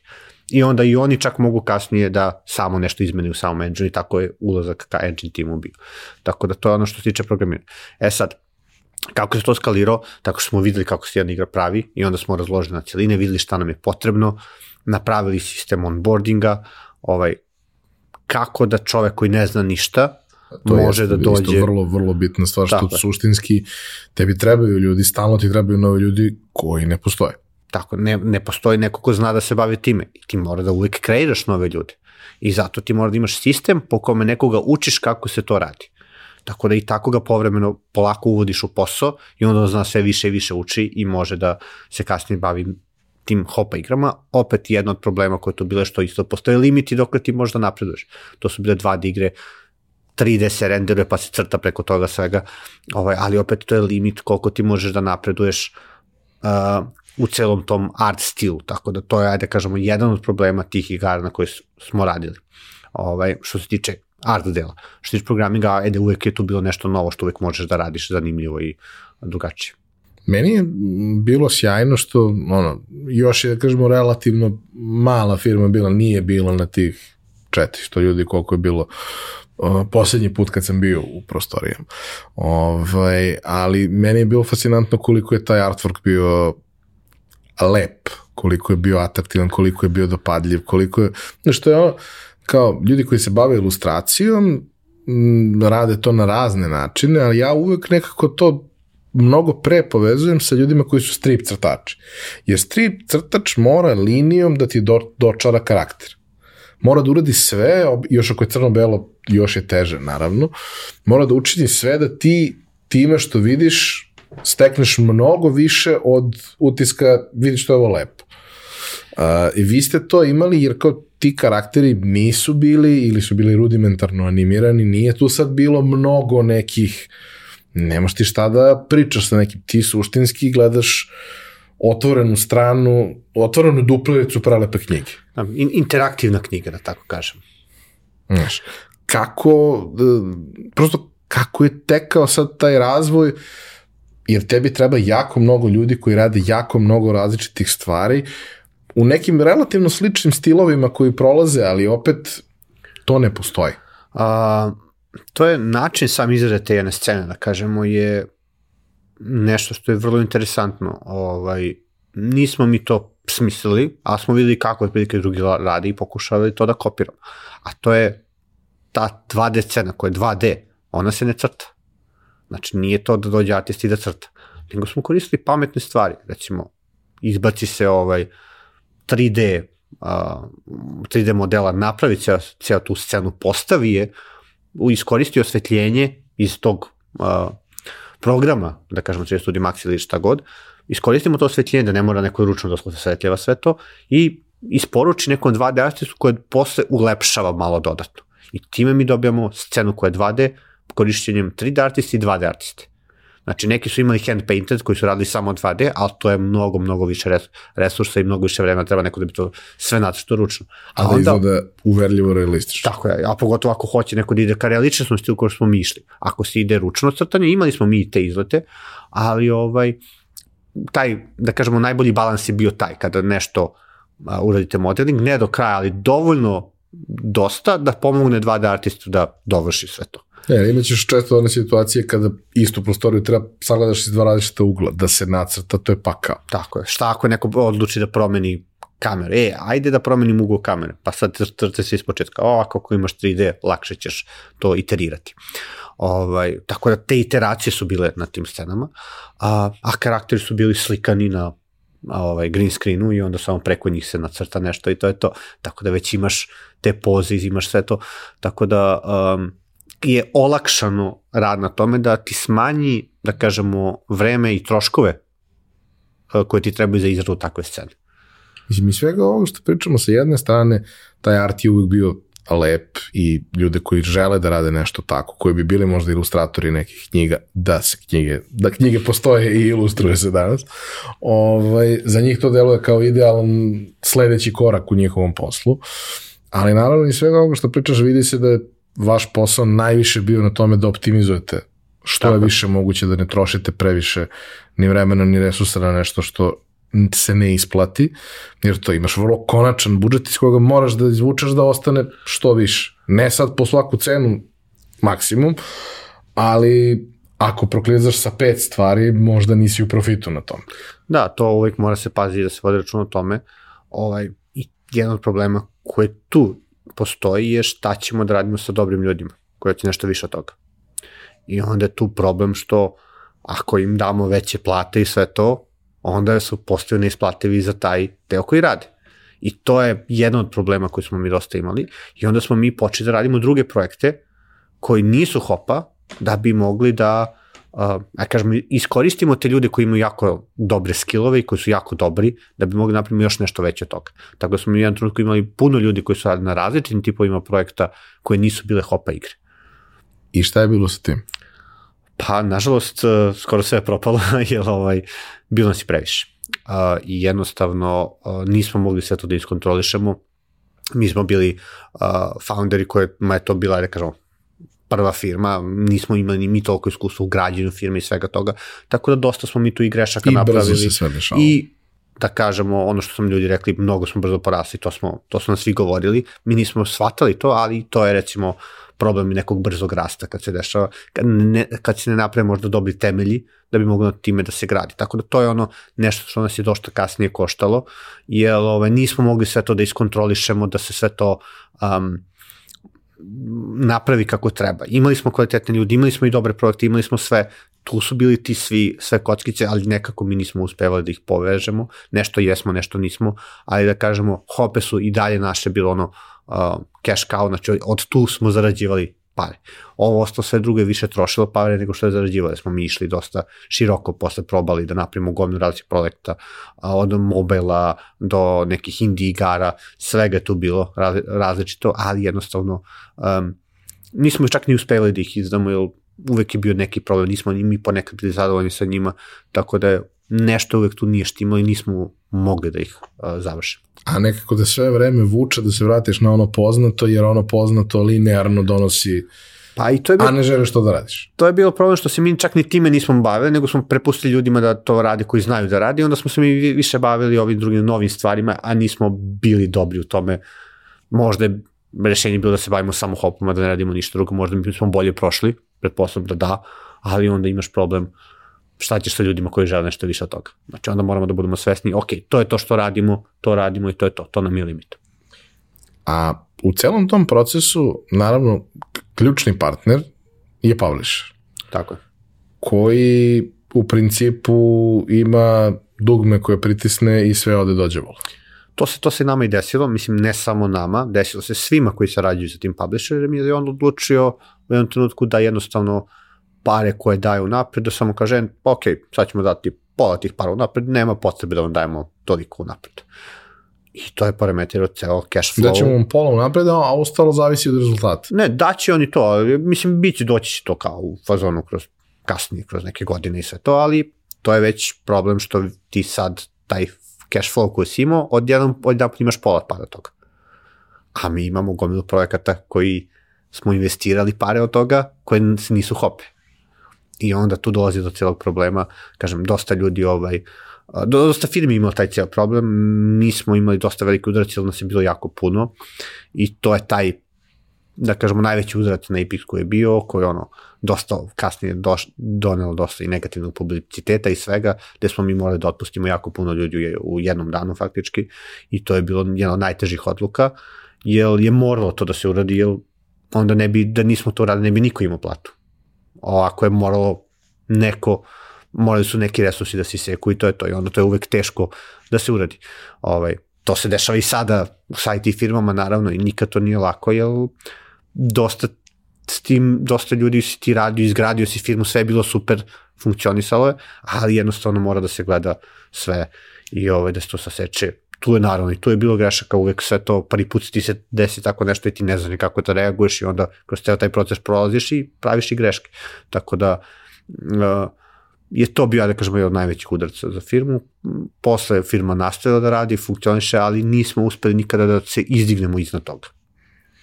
Dobro, to je, to je udarac koji kada se desi 99% firmi se ne oporavi uopšte, a Apex je u svom obliku i kasnije u, u, inkarnaciji narednoj nastavio da, da funkcioniše ipak u smanjenom obimu, tako da ostalo je tu i nekog i talenta, i iskustva i svega, niko ne zna kako prvi put to da se postavi iskreno gledajući to uh, sa strane, ali prilično blizu, kako su se neki drugi postavljali u tim situacijama, vi ste još ispali maksimalno fair i korektni prema, prema ljudima. Da, saopštili ste im užasne vesti, ali to su bile vesti koje su morali da čuju. Da. Niste čekali x meseci da vidite šta će da se desi, pa možda uspemo da se povadimo, pa napravili mnogo veći problem što, što je bilo, što se dešavalo. Pok- pokušali smo da budemo aj korektni koliko da smo uspeli u tome ne znam, to ljudi uvek svako ima svoj ugao priče i svako doživlja to iz nekog svog ugla. Tako da ovaj ali ono što je bitno je da što, na što sam ja ponosan je što su jako puno ljudi prošlo kroz Apex i većina tih ljudi je dalje u gamingu. Tako da bave se gamingom, tako da to je ono što je dobra stvar. Ove, što smo uspeli da izgradimo te ljudi da budu u gamingu, jer opet krećemo od sebe, ja želim da se bavim gamingom, svi ti ljudi su i dalje tu. Možda ćemo ponovo sarađivati, s nekim ljudima sam i sarađivao nekim novim firmama posle. Ovaj, tako da ovaj, bitno je da oni ostanu u gamingu. I većina, kažem, je uspela da ostane, tako da to je ovaj, stvarno super stvar što smo im eto omogućili da uđu i kasnije da se i dalje bave tim i da to rade. Samo još jednu specifičnost hoću da se dotaknem, zato što mislim da je baš nije karakteristična za industriju, ali jeste interesantna i kroz neke druge industrije se provlači. A to je da upravo zato što ste vi napravili jedan prilično jedinstven sistem optimizovan kako stvari funkcionišu, to znači da je taj sistem imao delove koji rade samo kod vas da su mnogi ljudi koji su tu bili na nekim nižim pozicijama koje rade gomilu nekih stvari, nemam pojma, radi pozadinsku crta travu u pozadini, nije važno ili neki detalje negde što, što u principu služi da rastereti seniora u tom celom procesu. on može postane fantastičan u tome da bude savršeno vredan i upotrebljiv šraf kod vas, ali on u nekom drugom sistemu nema mesto zato što u nekom drugom sistemu ne postoji takva pozicija. Postoji nešto slično, ali ljudima je često jako teško da se adaptiraju na tu vrstu promene. I to je ono što, što se dešava u raznim industrijama gde postoji standard. Znaš, kao, odemo u mašinstvo, nebitno ja znam ovo i ja sam novi i super i firma propadne, ti se treba da pređeš kod nekog drugog ko radi istu stvar, ali ne radi na isti način, ti ne možeš baš tek tako plug and play da pređeš u tako nešto. Uh, postoji taj onboarding kad ti pređeš na neki drugi posao, gde ti opet treba neko vreme da se uhodaš u to novo. Uh, u gamingu, mislim da nije to toliki problem, ajde da kažemo, ovaj, to što, je dosta firmi ima svoj specif, pogledamo AAA studije, svaki ima svoj engine, svako ima svoje, tako da ne može neko lako da pređe kod drugog. Ali šta je point? Svi znaju kako se pravi igre, kako proces funkcioniše i onda treba samo da nauče taj neki novi proces da uče. A, s druge strane, čak i da su u jednoj firmi, taj proces dok su u toj firmi će se menjati više puta. Jer gaming industrija se stalno menja, menja, menja znaš, i mi moramo da budemo svesni da mi moramo stalno da učimo da bi bili u toku sa nečem. Ako neko to ne radi, neće nažalost moći da se bavi ovime, pa čak i u IT-u mimo tehnologije koje non stop, svake godine se nešto menja. Danas je popularan uh, TypeScript, JavaScript, Node, uh, Angular, šta god, React. Uh, sutra to neće biti. To pre pet godina nije posto, bilo nešto drugo. Tako da, um, stalno se to menja i moramo da budemo u toku. Ta, uh, samim tim, ako neko nešto radi, ok, radi taj posao trenutno, ali opet mora da ima i neku želju da proširi te vidike i da vidi šta se dešava i oko njega. Jer onda će spremni moći da nauči te stvari. Jeste da radi to jednu stvar, ali ako bude gledao okolo, moći će da bude mnogo pripremljeniji i da uđe u neku novu ulogu kasnije, što je normalna stvar, jer, kažem, non stop se nove, nove stvari rade. Šta su za tebe bili naredni koraci? Um, naredni koraci su bili u jednom trenutku sam ja ovaj, odlučio čime želim da se bavim, dok, dok to sve bilo u Apexu. Um, odlučio sam koji projekat želim da radim. U okviru Apexa. U okviru Apexa, naravno. Ovaj, mi je to bila ideja da ovaj, um, se bavim VR igrama, zašto sam vidio da je to tržište dosta interesantno, da ne mogu da se zarade pare, ali da možda se preživi i da će to da raste. Jer nekako sam osetio da su možda slično kao hopa igre, da može, ok, hopa igre možda nisu rasle, ali su bile stabilne. Uh, I da je ovo isto bila priča kad je, uh, kad su svi pričali VR is dead, znači ja nisam bio early adapter, to je bilo 2016, su ti bili early adapteri, do, od 2014. do 2016. je bio taj Kickstarter za Oculus, gde su svi kupili VR-ove, development kitove, to će sad da, da bude boom, da nenormalno para, da bude tu svi investirali u pare, i onda dolazi 2016. izlaze ti headseti, 17. 18.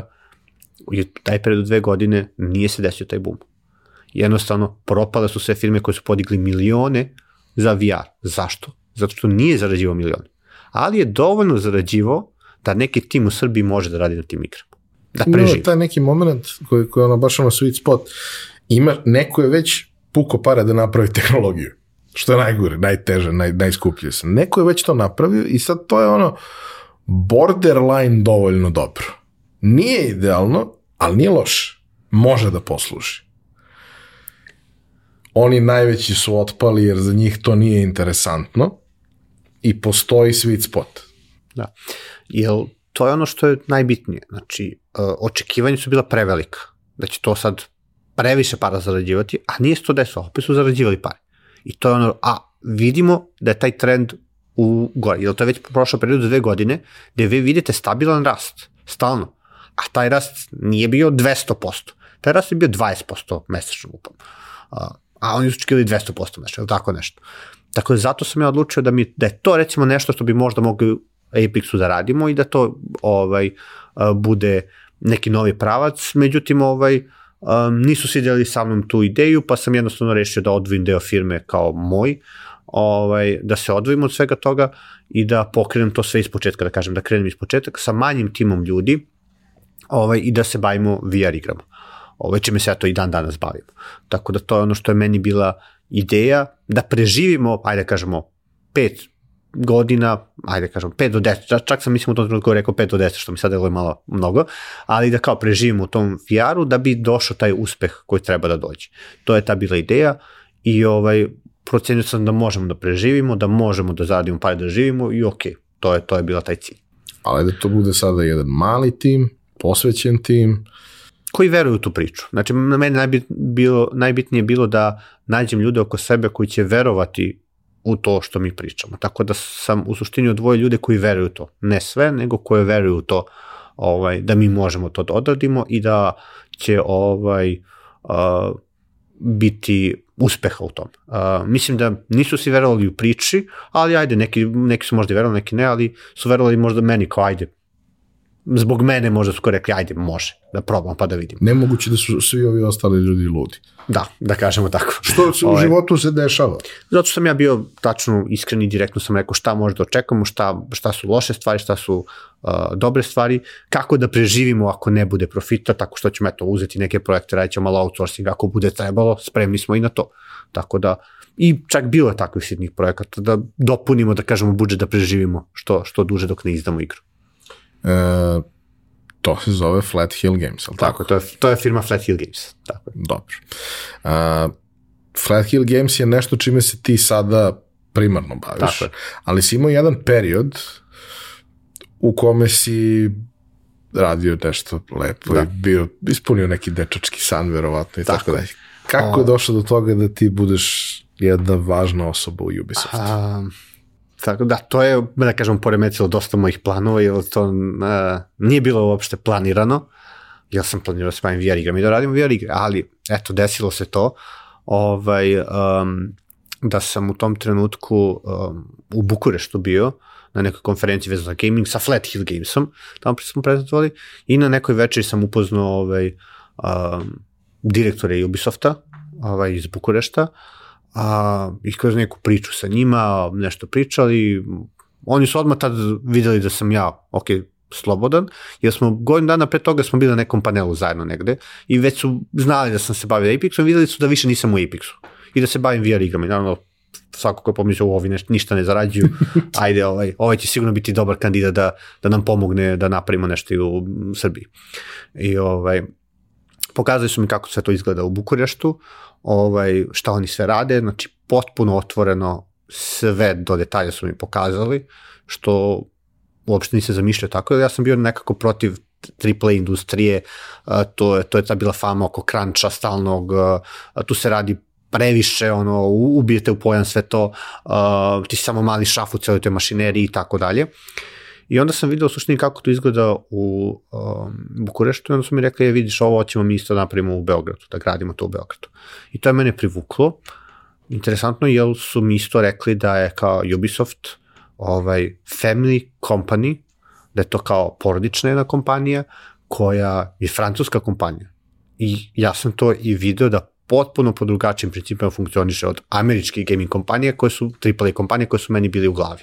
Znači, potpuno drugačije. Francuska kompanija koja je u porodičnom vlasništvu. E, to je ono što je mene privuklo i kroz taj neki razgovor sa njima ja sam ovaj, rekao šta ja mogu da uradim, opet nisam rekao ok, hoću sve ono, nego sam ja rekao šta ja mogu s moje strane da uradim, šta mogu da pružim, iskreno sam im rekao sve kako jeste i nisam očekivao da će oni me dati bilo kakvu ponudu, jer ovaj, neki ti uslovi baš nisu bili ovaj, uh, realni, da kažemo tako. Ovaj, nisu bili normalni uslovi, da kažemo, koje bi neko tražio. Oni su međutim to sve prihvatili i onda sam ja vidio, ok, ovo je fleksibilna kompanija koja može i tako da funkcioniše, jer korporacije klasične možda to ne bi prihvatile. I baš žele tebe.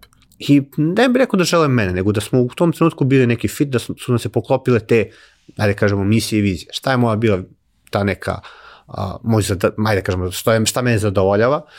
Ja sam dosta pomogao i IT zajednicu u lokalu u Vršcu, u gamingu u Srbiji i meni je cilj bio da ovaj, vidim što više ljudi koji se prvenstveno bave gamingom, a nakon toga i IT-em, ajde ne bi se ograničio samo na gaming.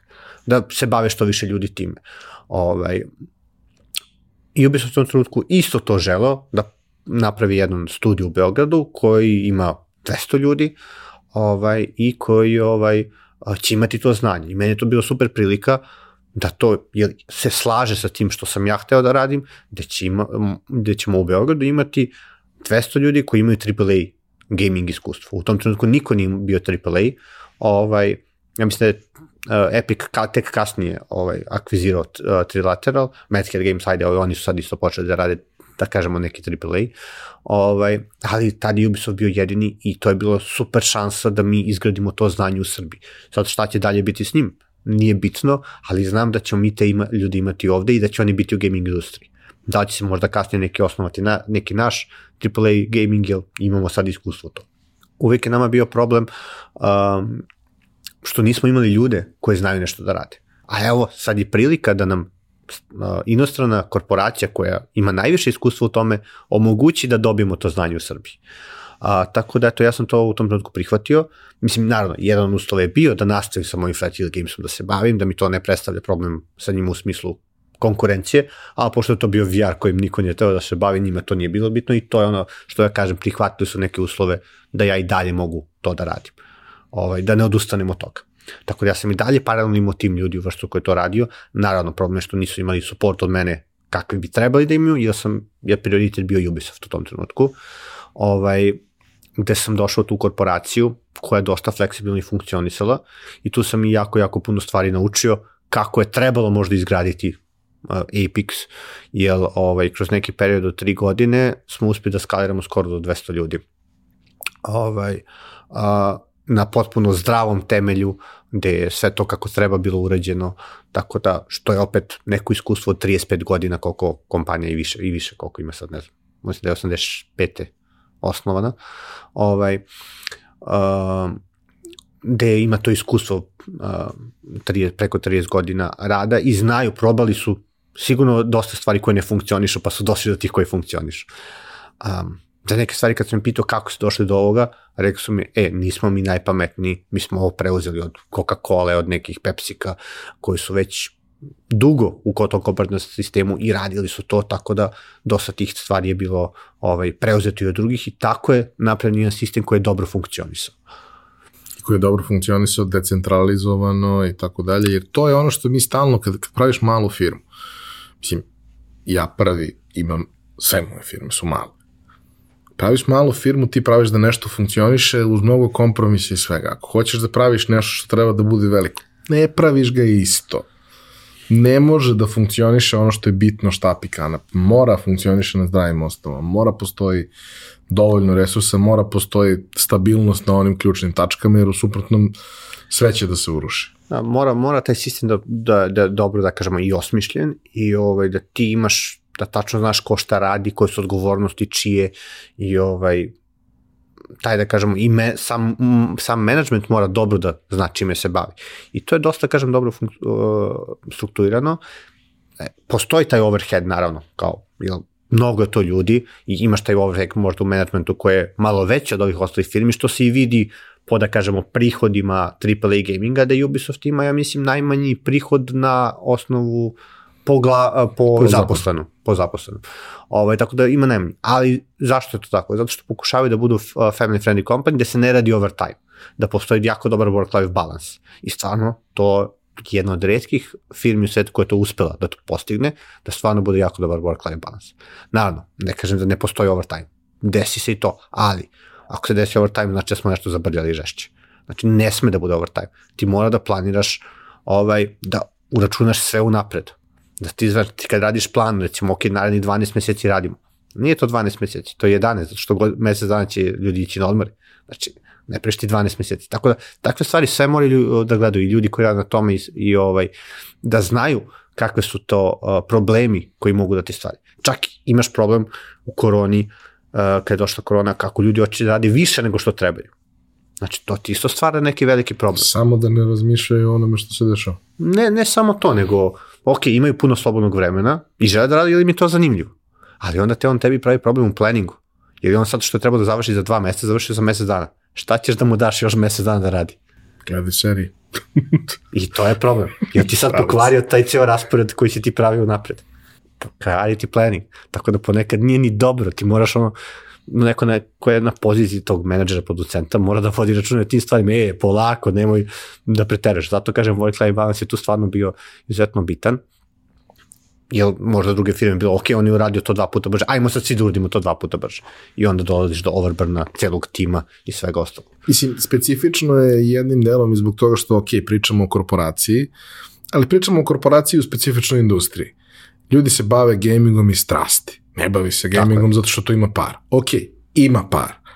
Ali, znaš kao, u, ne znam, Coca-Coli ili u nekoj naftnoj industriji ili u nekoj duvanskoj industriji, ja ne verujem da mnogo ljudi radi iz strasti prema tome. Da, ovaj, to je najveći prednost tog celog sistema, što je stvarno su tu ljudi strasti i to vole da rade. Vidi se po njima da to stvarno vole i, i vidi se i napredak novih ljudi kad dođu juniori neki, kako oni napreduju, kako oni grizu sve to da ovaj, uh, urade što bolje.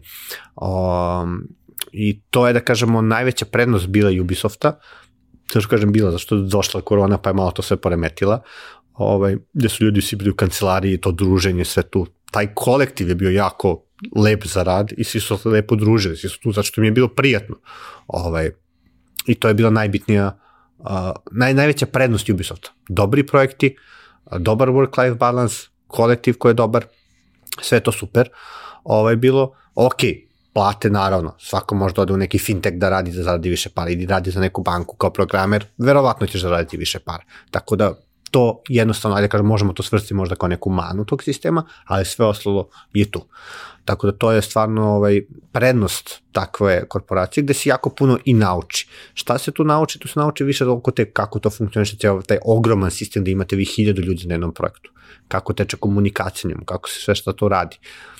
Jedno od bitnih stvari isto kod toga je što se dosta tu gledalo soft skills što dosta ljudi ne razmišlja o tome. E, on je odličan programer, daj da gunemo, jeste da je problematičan, ali ovaj, treba nam neko da radi. Dobro, po defaultu ljudi iz tehnologije nemaju soft skills. Pa nemaju soft skills, ali ok, ajde da onda radimo sa njima da ih izgrade. Mislim, ne mora, nije da nemaju, nego soft skills, ok, može i da nemaš, ali mnogo gore ako imaš uh, neke problematične skillove koje ti uništavaju, koje, ako je pravi toksičnu atmosferu, da tako kažem. A ove koji su, ajde da kažemo, tiši možda introverti, njih ćeš lakše ovaj, Jeste to već divni ljudi. Da, to su sve divni ljudi, naravno. I ja sam po prirodi introvert, tako da ovaj, um, meni je jasno da ti soft skillovi opet mora da, da guraš i da radiš na njima i bitno ti je sa kim sarađuješ. Tako da prva stvar je bitna i kod zapošljavanja uvek bila, bila pošto smo imali i HR intervju i sve ostalo, uvek je to pitanje, da li želiš ti da radiš tom osobom, da li možeš da radiš, to je to. Ako je odgovor da, tek onda možda idemo dalje.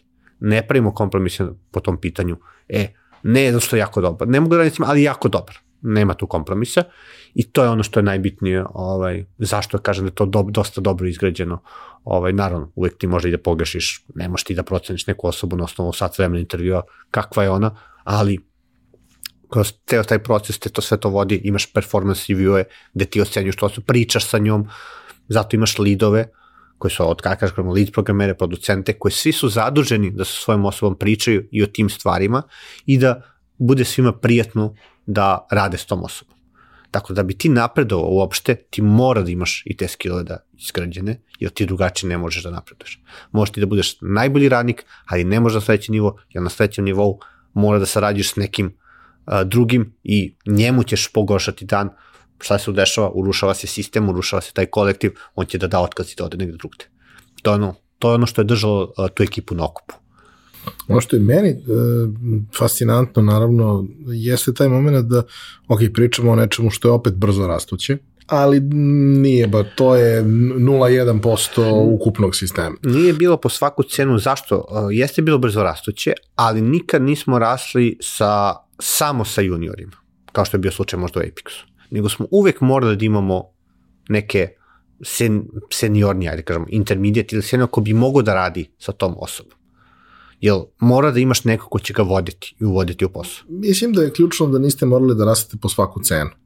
Postoji plan, da. ali ne mora da se ispuni po svaku cenu ukoliko ne postoji osoba koja je odgovarajuća za to. Tako je. Dok kod klasičnog outsourcinga taj čovjek mora se desi i bit će Tako najbolji mogući u jedinici vremena, što u nekim trenucima može da bude užasno.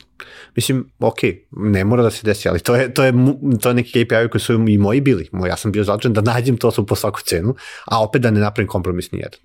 I meni je draže bilo da kažem, e, ok, nisam uspio da je zaposlim, nego da zaposlimo pogrešnu, pogrešnu osobu. Iz svega što znam, a daleko od toga da si jedini koji, koji je tamo radio, stekao sam taj jako lep utisak da je u pitanju jedan jako dobar, zdrav, samoregulišući sistem.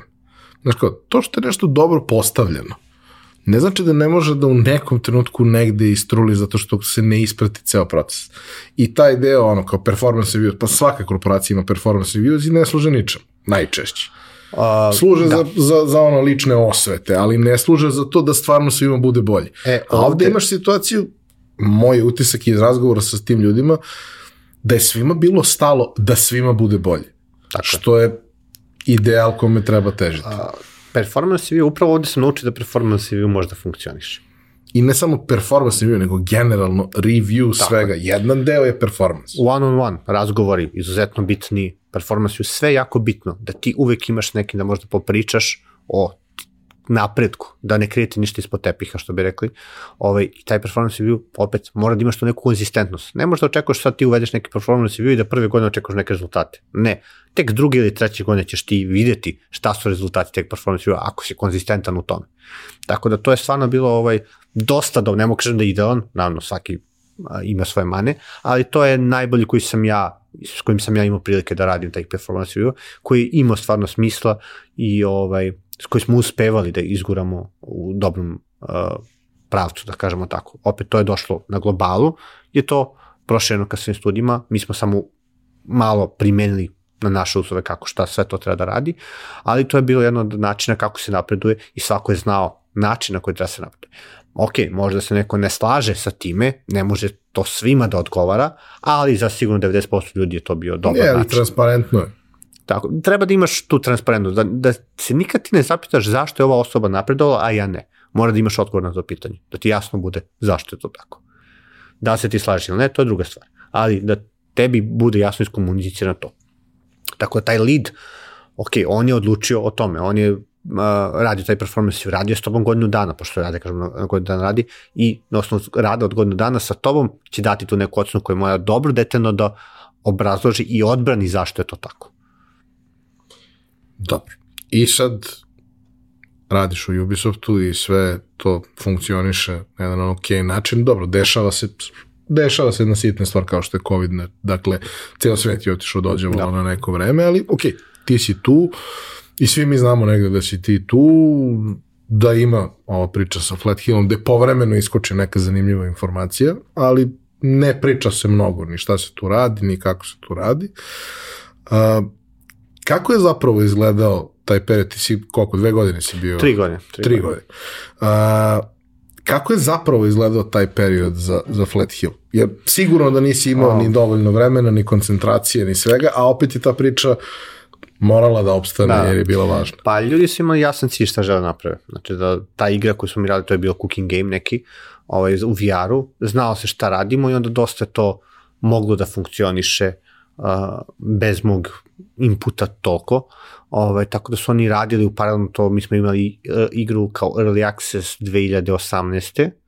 i do 2021. se razvijala ovaj, kad ima full release je bio tek 2021. Tako da smo imali taj roadmap koji je bio definisan i radilo se po tome.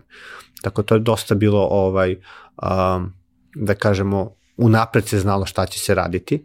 Uh, da sam ja bio tu, verovatno bi možda brže mogli sve to da odradimo, ali ok, bilo je taj neki kompromis koji sam morao da napravim zbog Ubisofta, ovaj, ljudi su tu mogli, isporučili su sve to, uspeli su da se izbori sa svime time, tako je to bila ovaj, olakšavajuća ovaj, okolnost.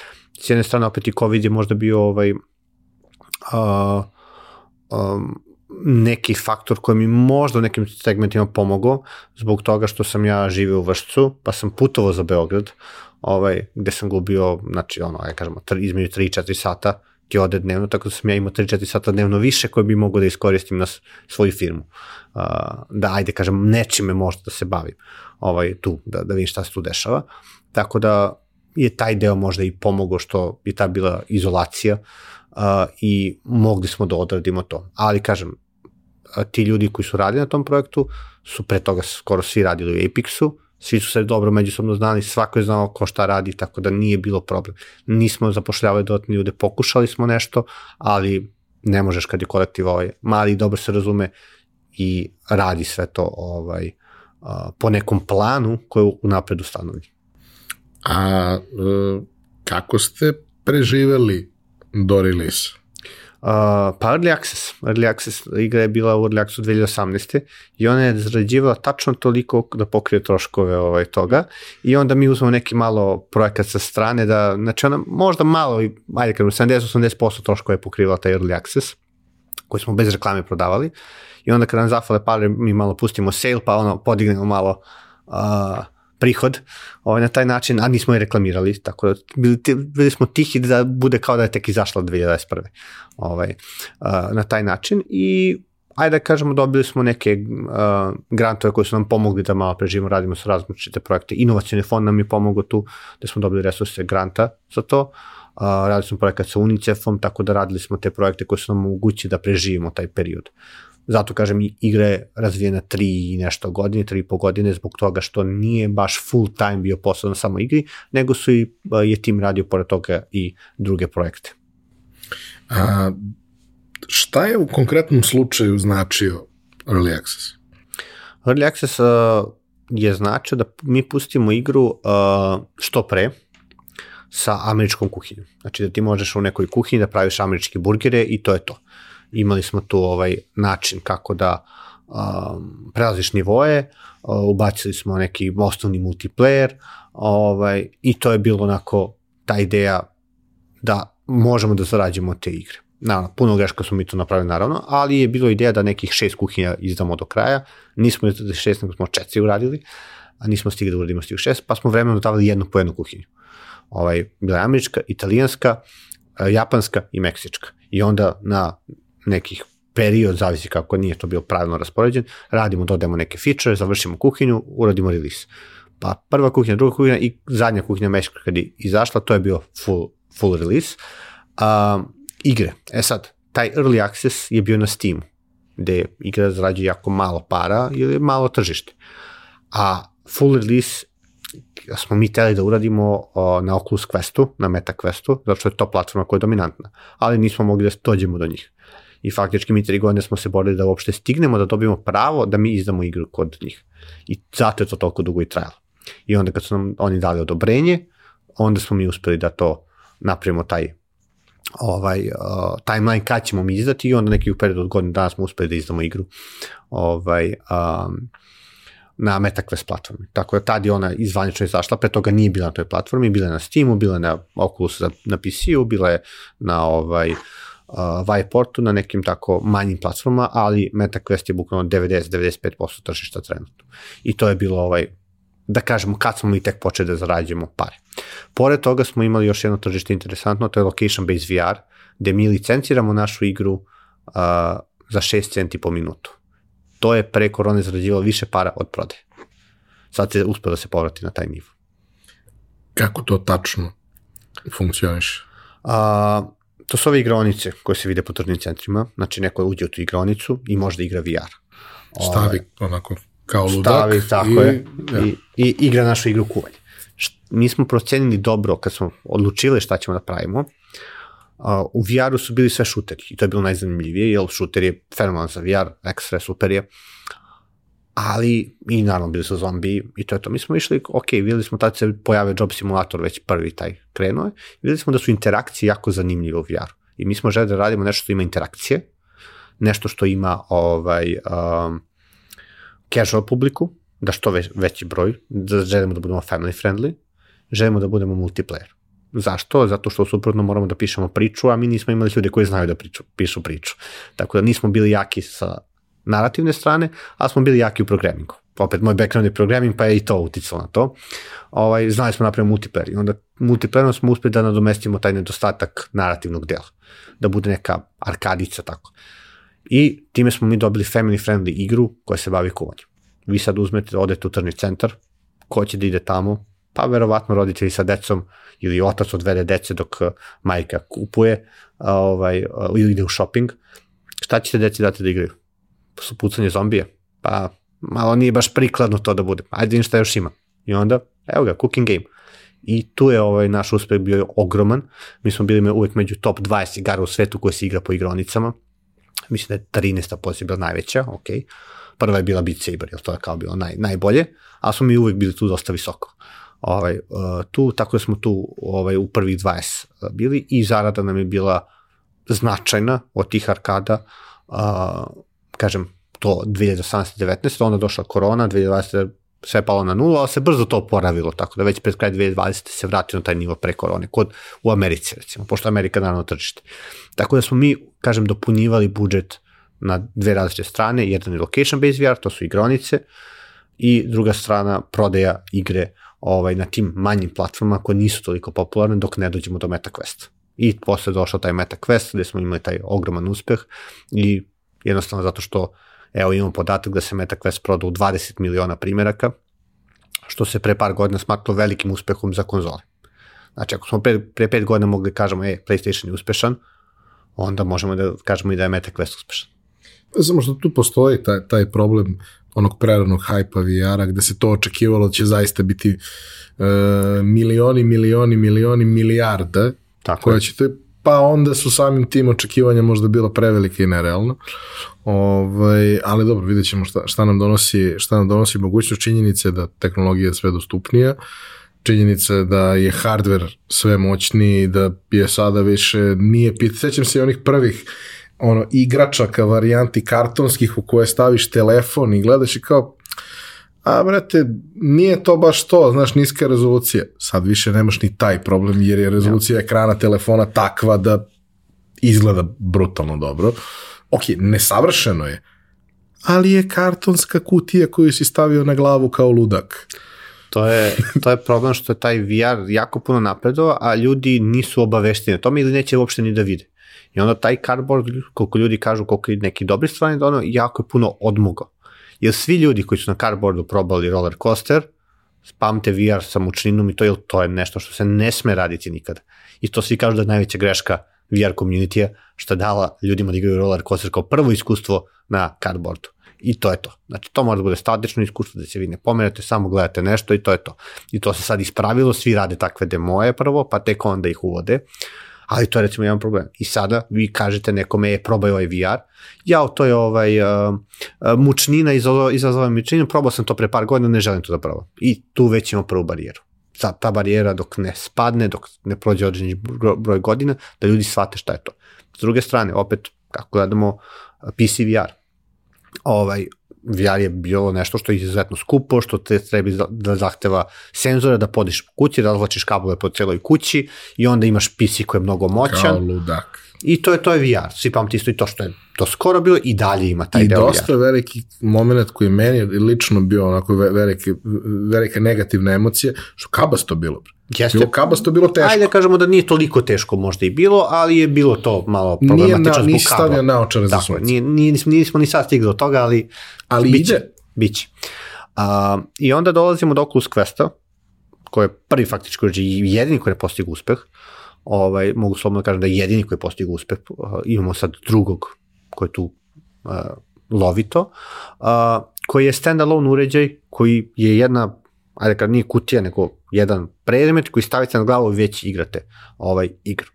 To, taj, uh, eliminacija tog kabla i dodatne tog računara, to je najveća prednost svega toga. On se prodavao za 300 dolara u Americi i stojao je na rafu kao konzola. Znači, on nije bio VR headset, nisu ga prodavali kao VR headset, znači mi imamo uh, Xbox, ima PlayStation, imalo Quest, to piše iznad konzole. E, to su oni smatrali. Šta se desilo? Izašao je Xbox, izašao je PlayStation, uh, ove nove petica i izašla, sad ću da vidim, 2020, 20, ja mislim. Ja mislim da. 20, 20 izašlo. Nebitno. Kada ljudi kupuju to? Christmas. Znači oni odu za Božić, pričamo o Americi, ode, uh, ode porodice za Božić, da vidi šta će da kupe detetu za ovaj, Božić, uzmu PlayStation peticu, daju mu i on igra srećan sa super PlayStation peticu. Šta da radimo sledeće godine? Odemo opet da kupimo nešto, u, vidi, pojavila se nova konzola, Quest konzola. Šta god daj, daj da kupim detetu i da mu 300 dolara. 300 dolara. Ja, manja cena od PlayStation petice od ovog kostu. Nije iPhone, što se kaže. I to je upravo to. Kad pogledamo iPhone je mnogo skuplje toga. Tako da uh, to je imalo takav veliki pik na broj usera, to su svi videli, to je neverovatno koliko je tržište cijelo skočilo. Nama su redovno vikendom padali serveri za leaderboards i sve, kad je, kad je tad krenulo sve to. Tako da, ovaj, a, to je ta razlika u brendiranju koju su oni krenuli, e, ovo je dodatna konzola. I šta je dobra stvar? Ti ljudi možda nisu ni gameri i već su ovaj neki uh, casual gameri koji ne znaju da koriste računar, mišito. Ali šta ima? Imaju ruke. I mnogo im je prirodnije da igraju neku igru sa rukama nego na računaru sa mišom. Mi nismo svesni koliko ljudi ne znaju da koriste miši da igru pucačima sa mišom. Dajte sad nešto što je zahtevno svakako. Mi koji dolazimo iz ono sveta gaminga su naša deca uglavnom svi odrastaju u tom nekom ovaj uh, okruženju gde je normalno ići u igranicu igrati igre.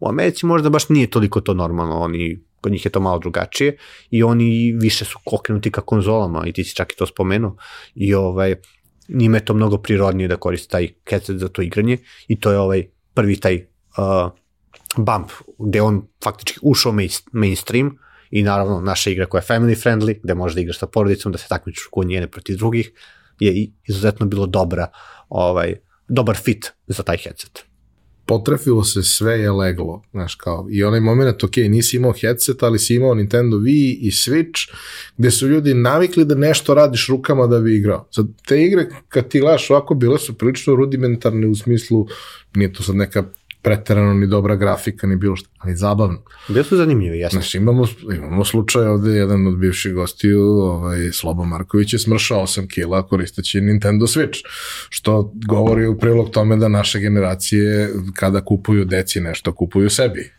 Ali dobro sad, ovaj, to, to, je, to je druga tema.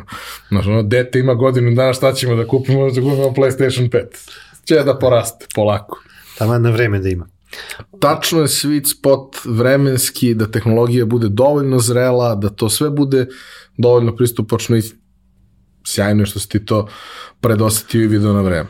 Ovaj, uh, interesantno mi je što sam tad kad smo mi krenuli 2018. ja sam imao jednu prezentaciju ovaj, uh, koju sam uh, napravio kao da pičem tako u okviru Apexa, ovaj, baš o tome šta će biti i mogu da kažem da je skoro sve pogođeno, to što mi je jako drago.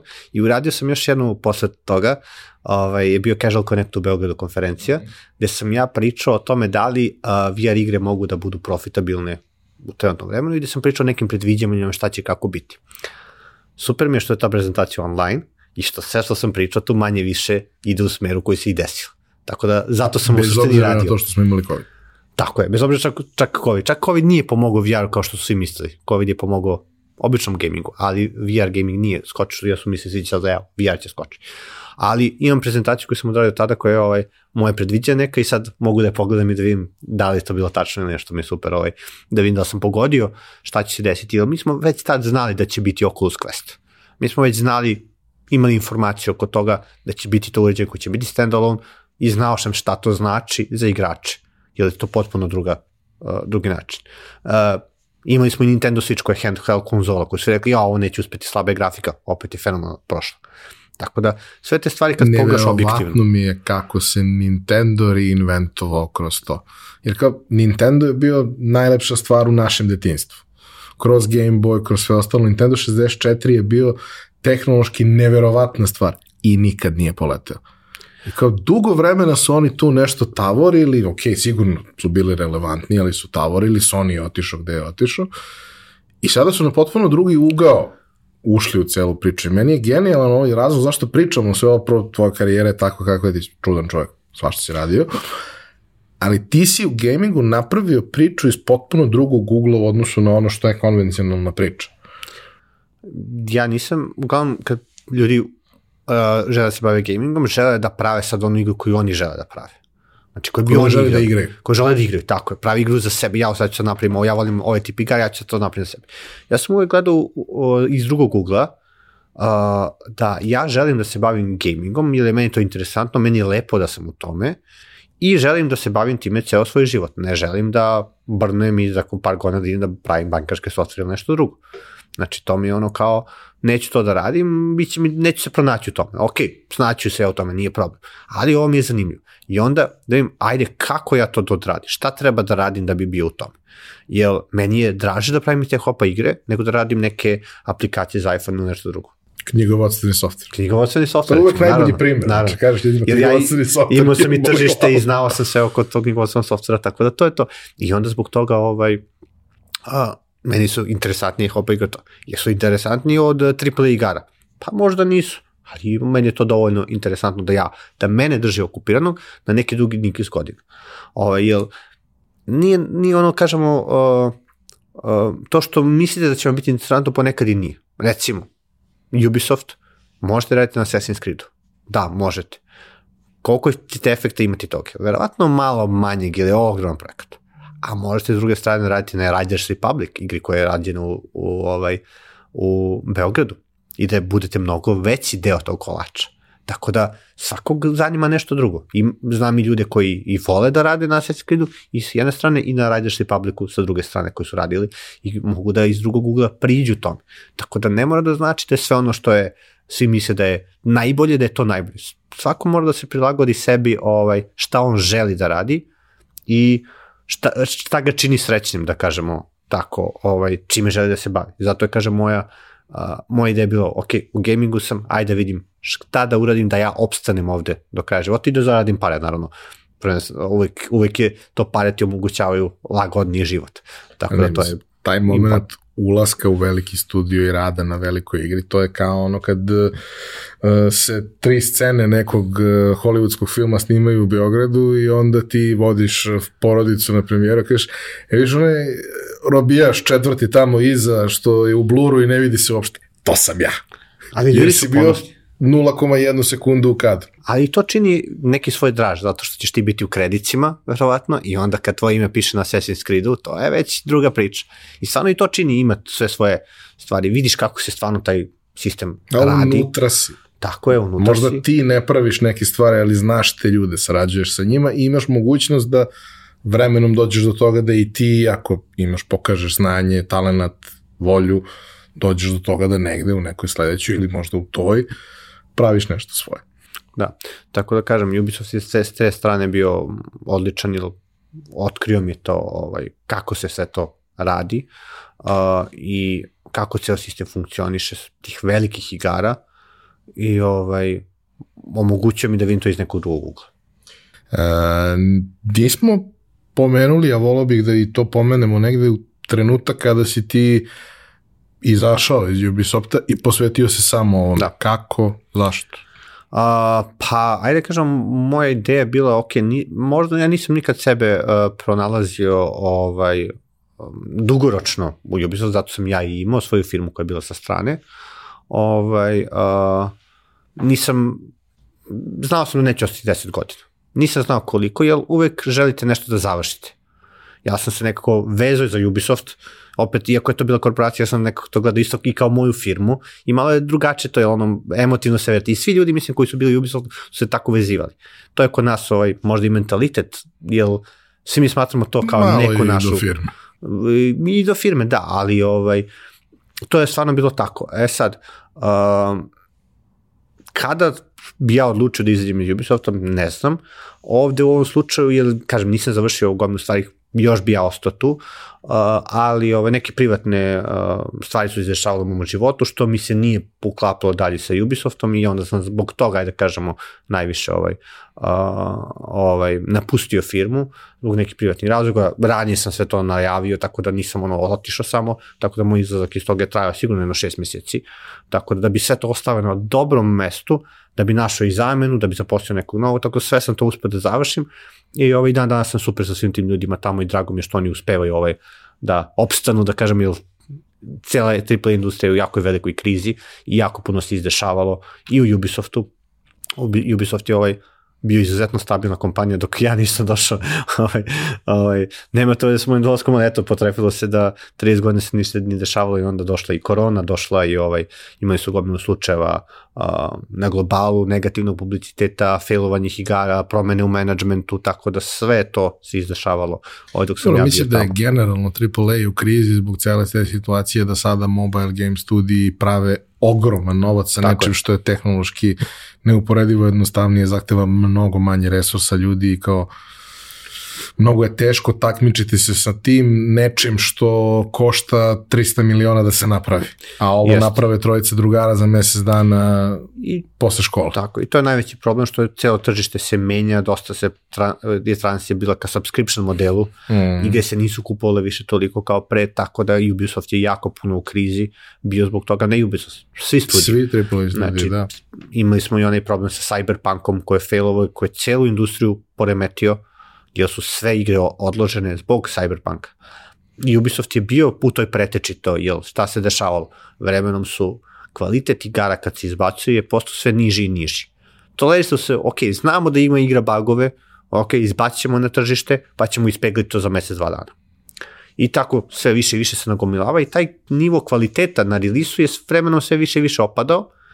Uh, mi smo imali igru Ghost Recon Breakpoint koji isto imala ta, taj program koji je rađen u Beogradu, gde smo znali da nije baš najsavršeniji, izdali smo je, failovalo je, kasnije se sve to oporavilo, naravno ili se umeđu vremenu za kroz 6 meseci sve to ispravljeno, znalo se, i tako je svaki studio pravio sve manje više ovaj kompromisa na rilisu, do dolaska Cyberpunka koji je najviše kompromisa napravio od svih, znači koji su na toliko. najveća očekivanja? A očekivanja su im bili ogromna, nije loša igra, samo što su previše kompromisa uradili u smislu stabilnosti kvaliteta i to je uticalo na cijelu industriju, je to tako odjeknulo akci, u akcijama firme, ni- vrednosti akcije firme, do svih tih ljudi koji su radili na tome, tako da ovaj, a, to je imalo jako veliki efekt na cijelu industriju da se malo sabere i da kaže, ok, igra neće da izađe dok nije spremna.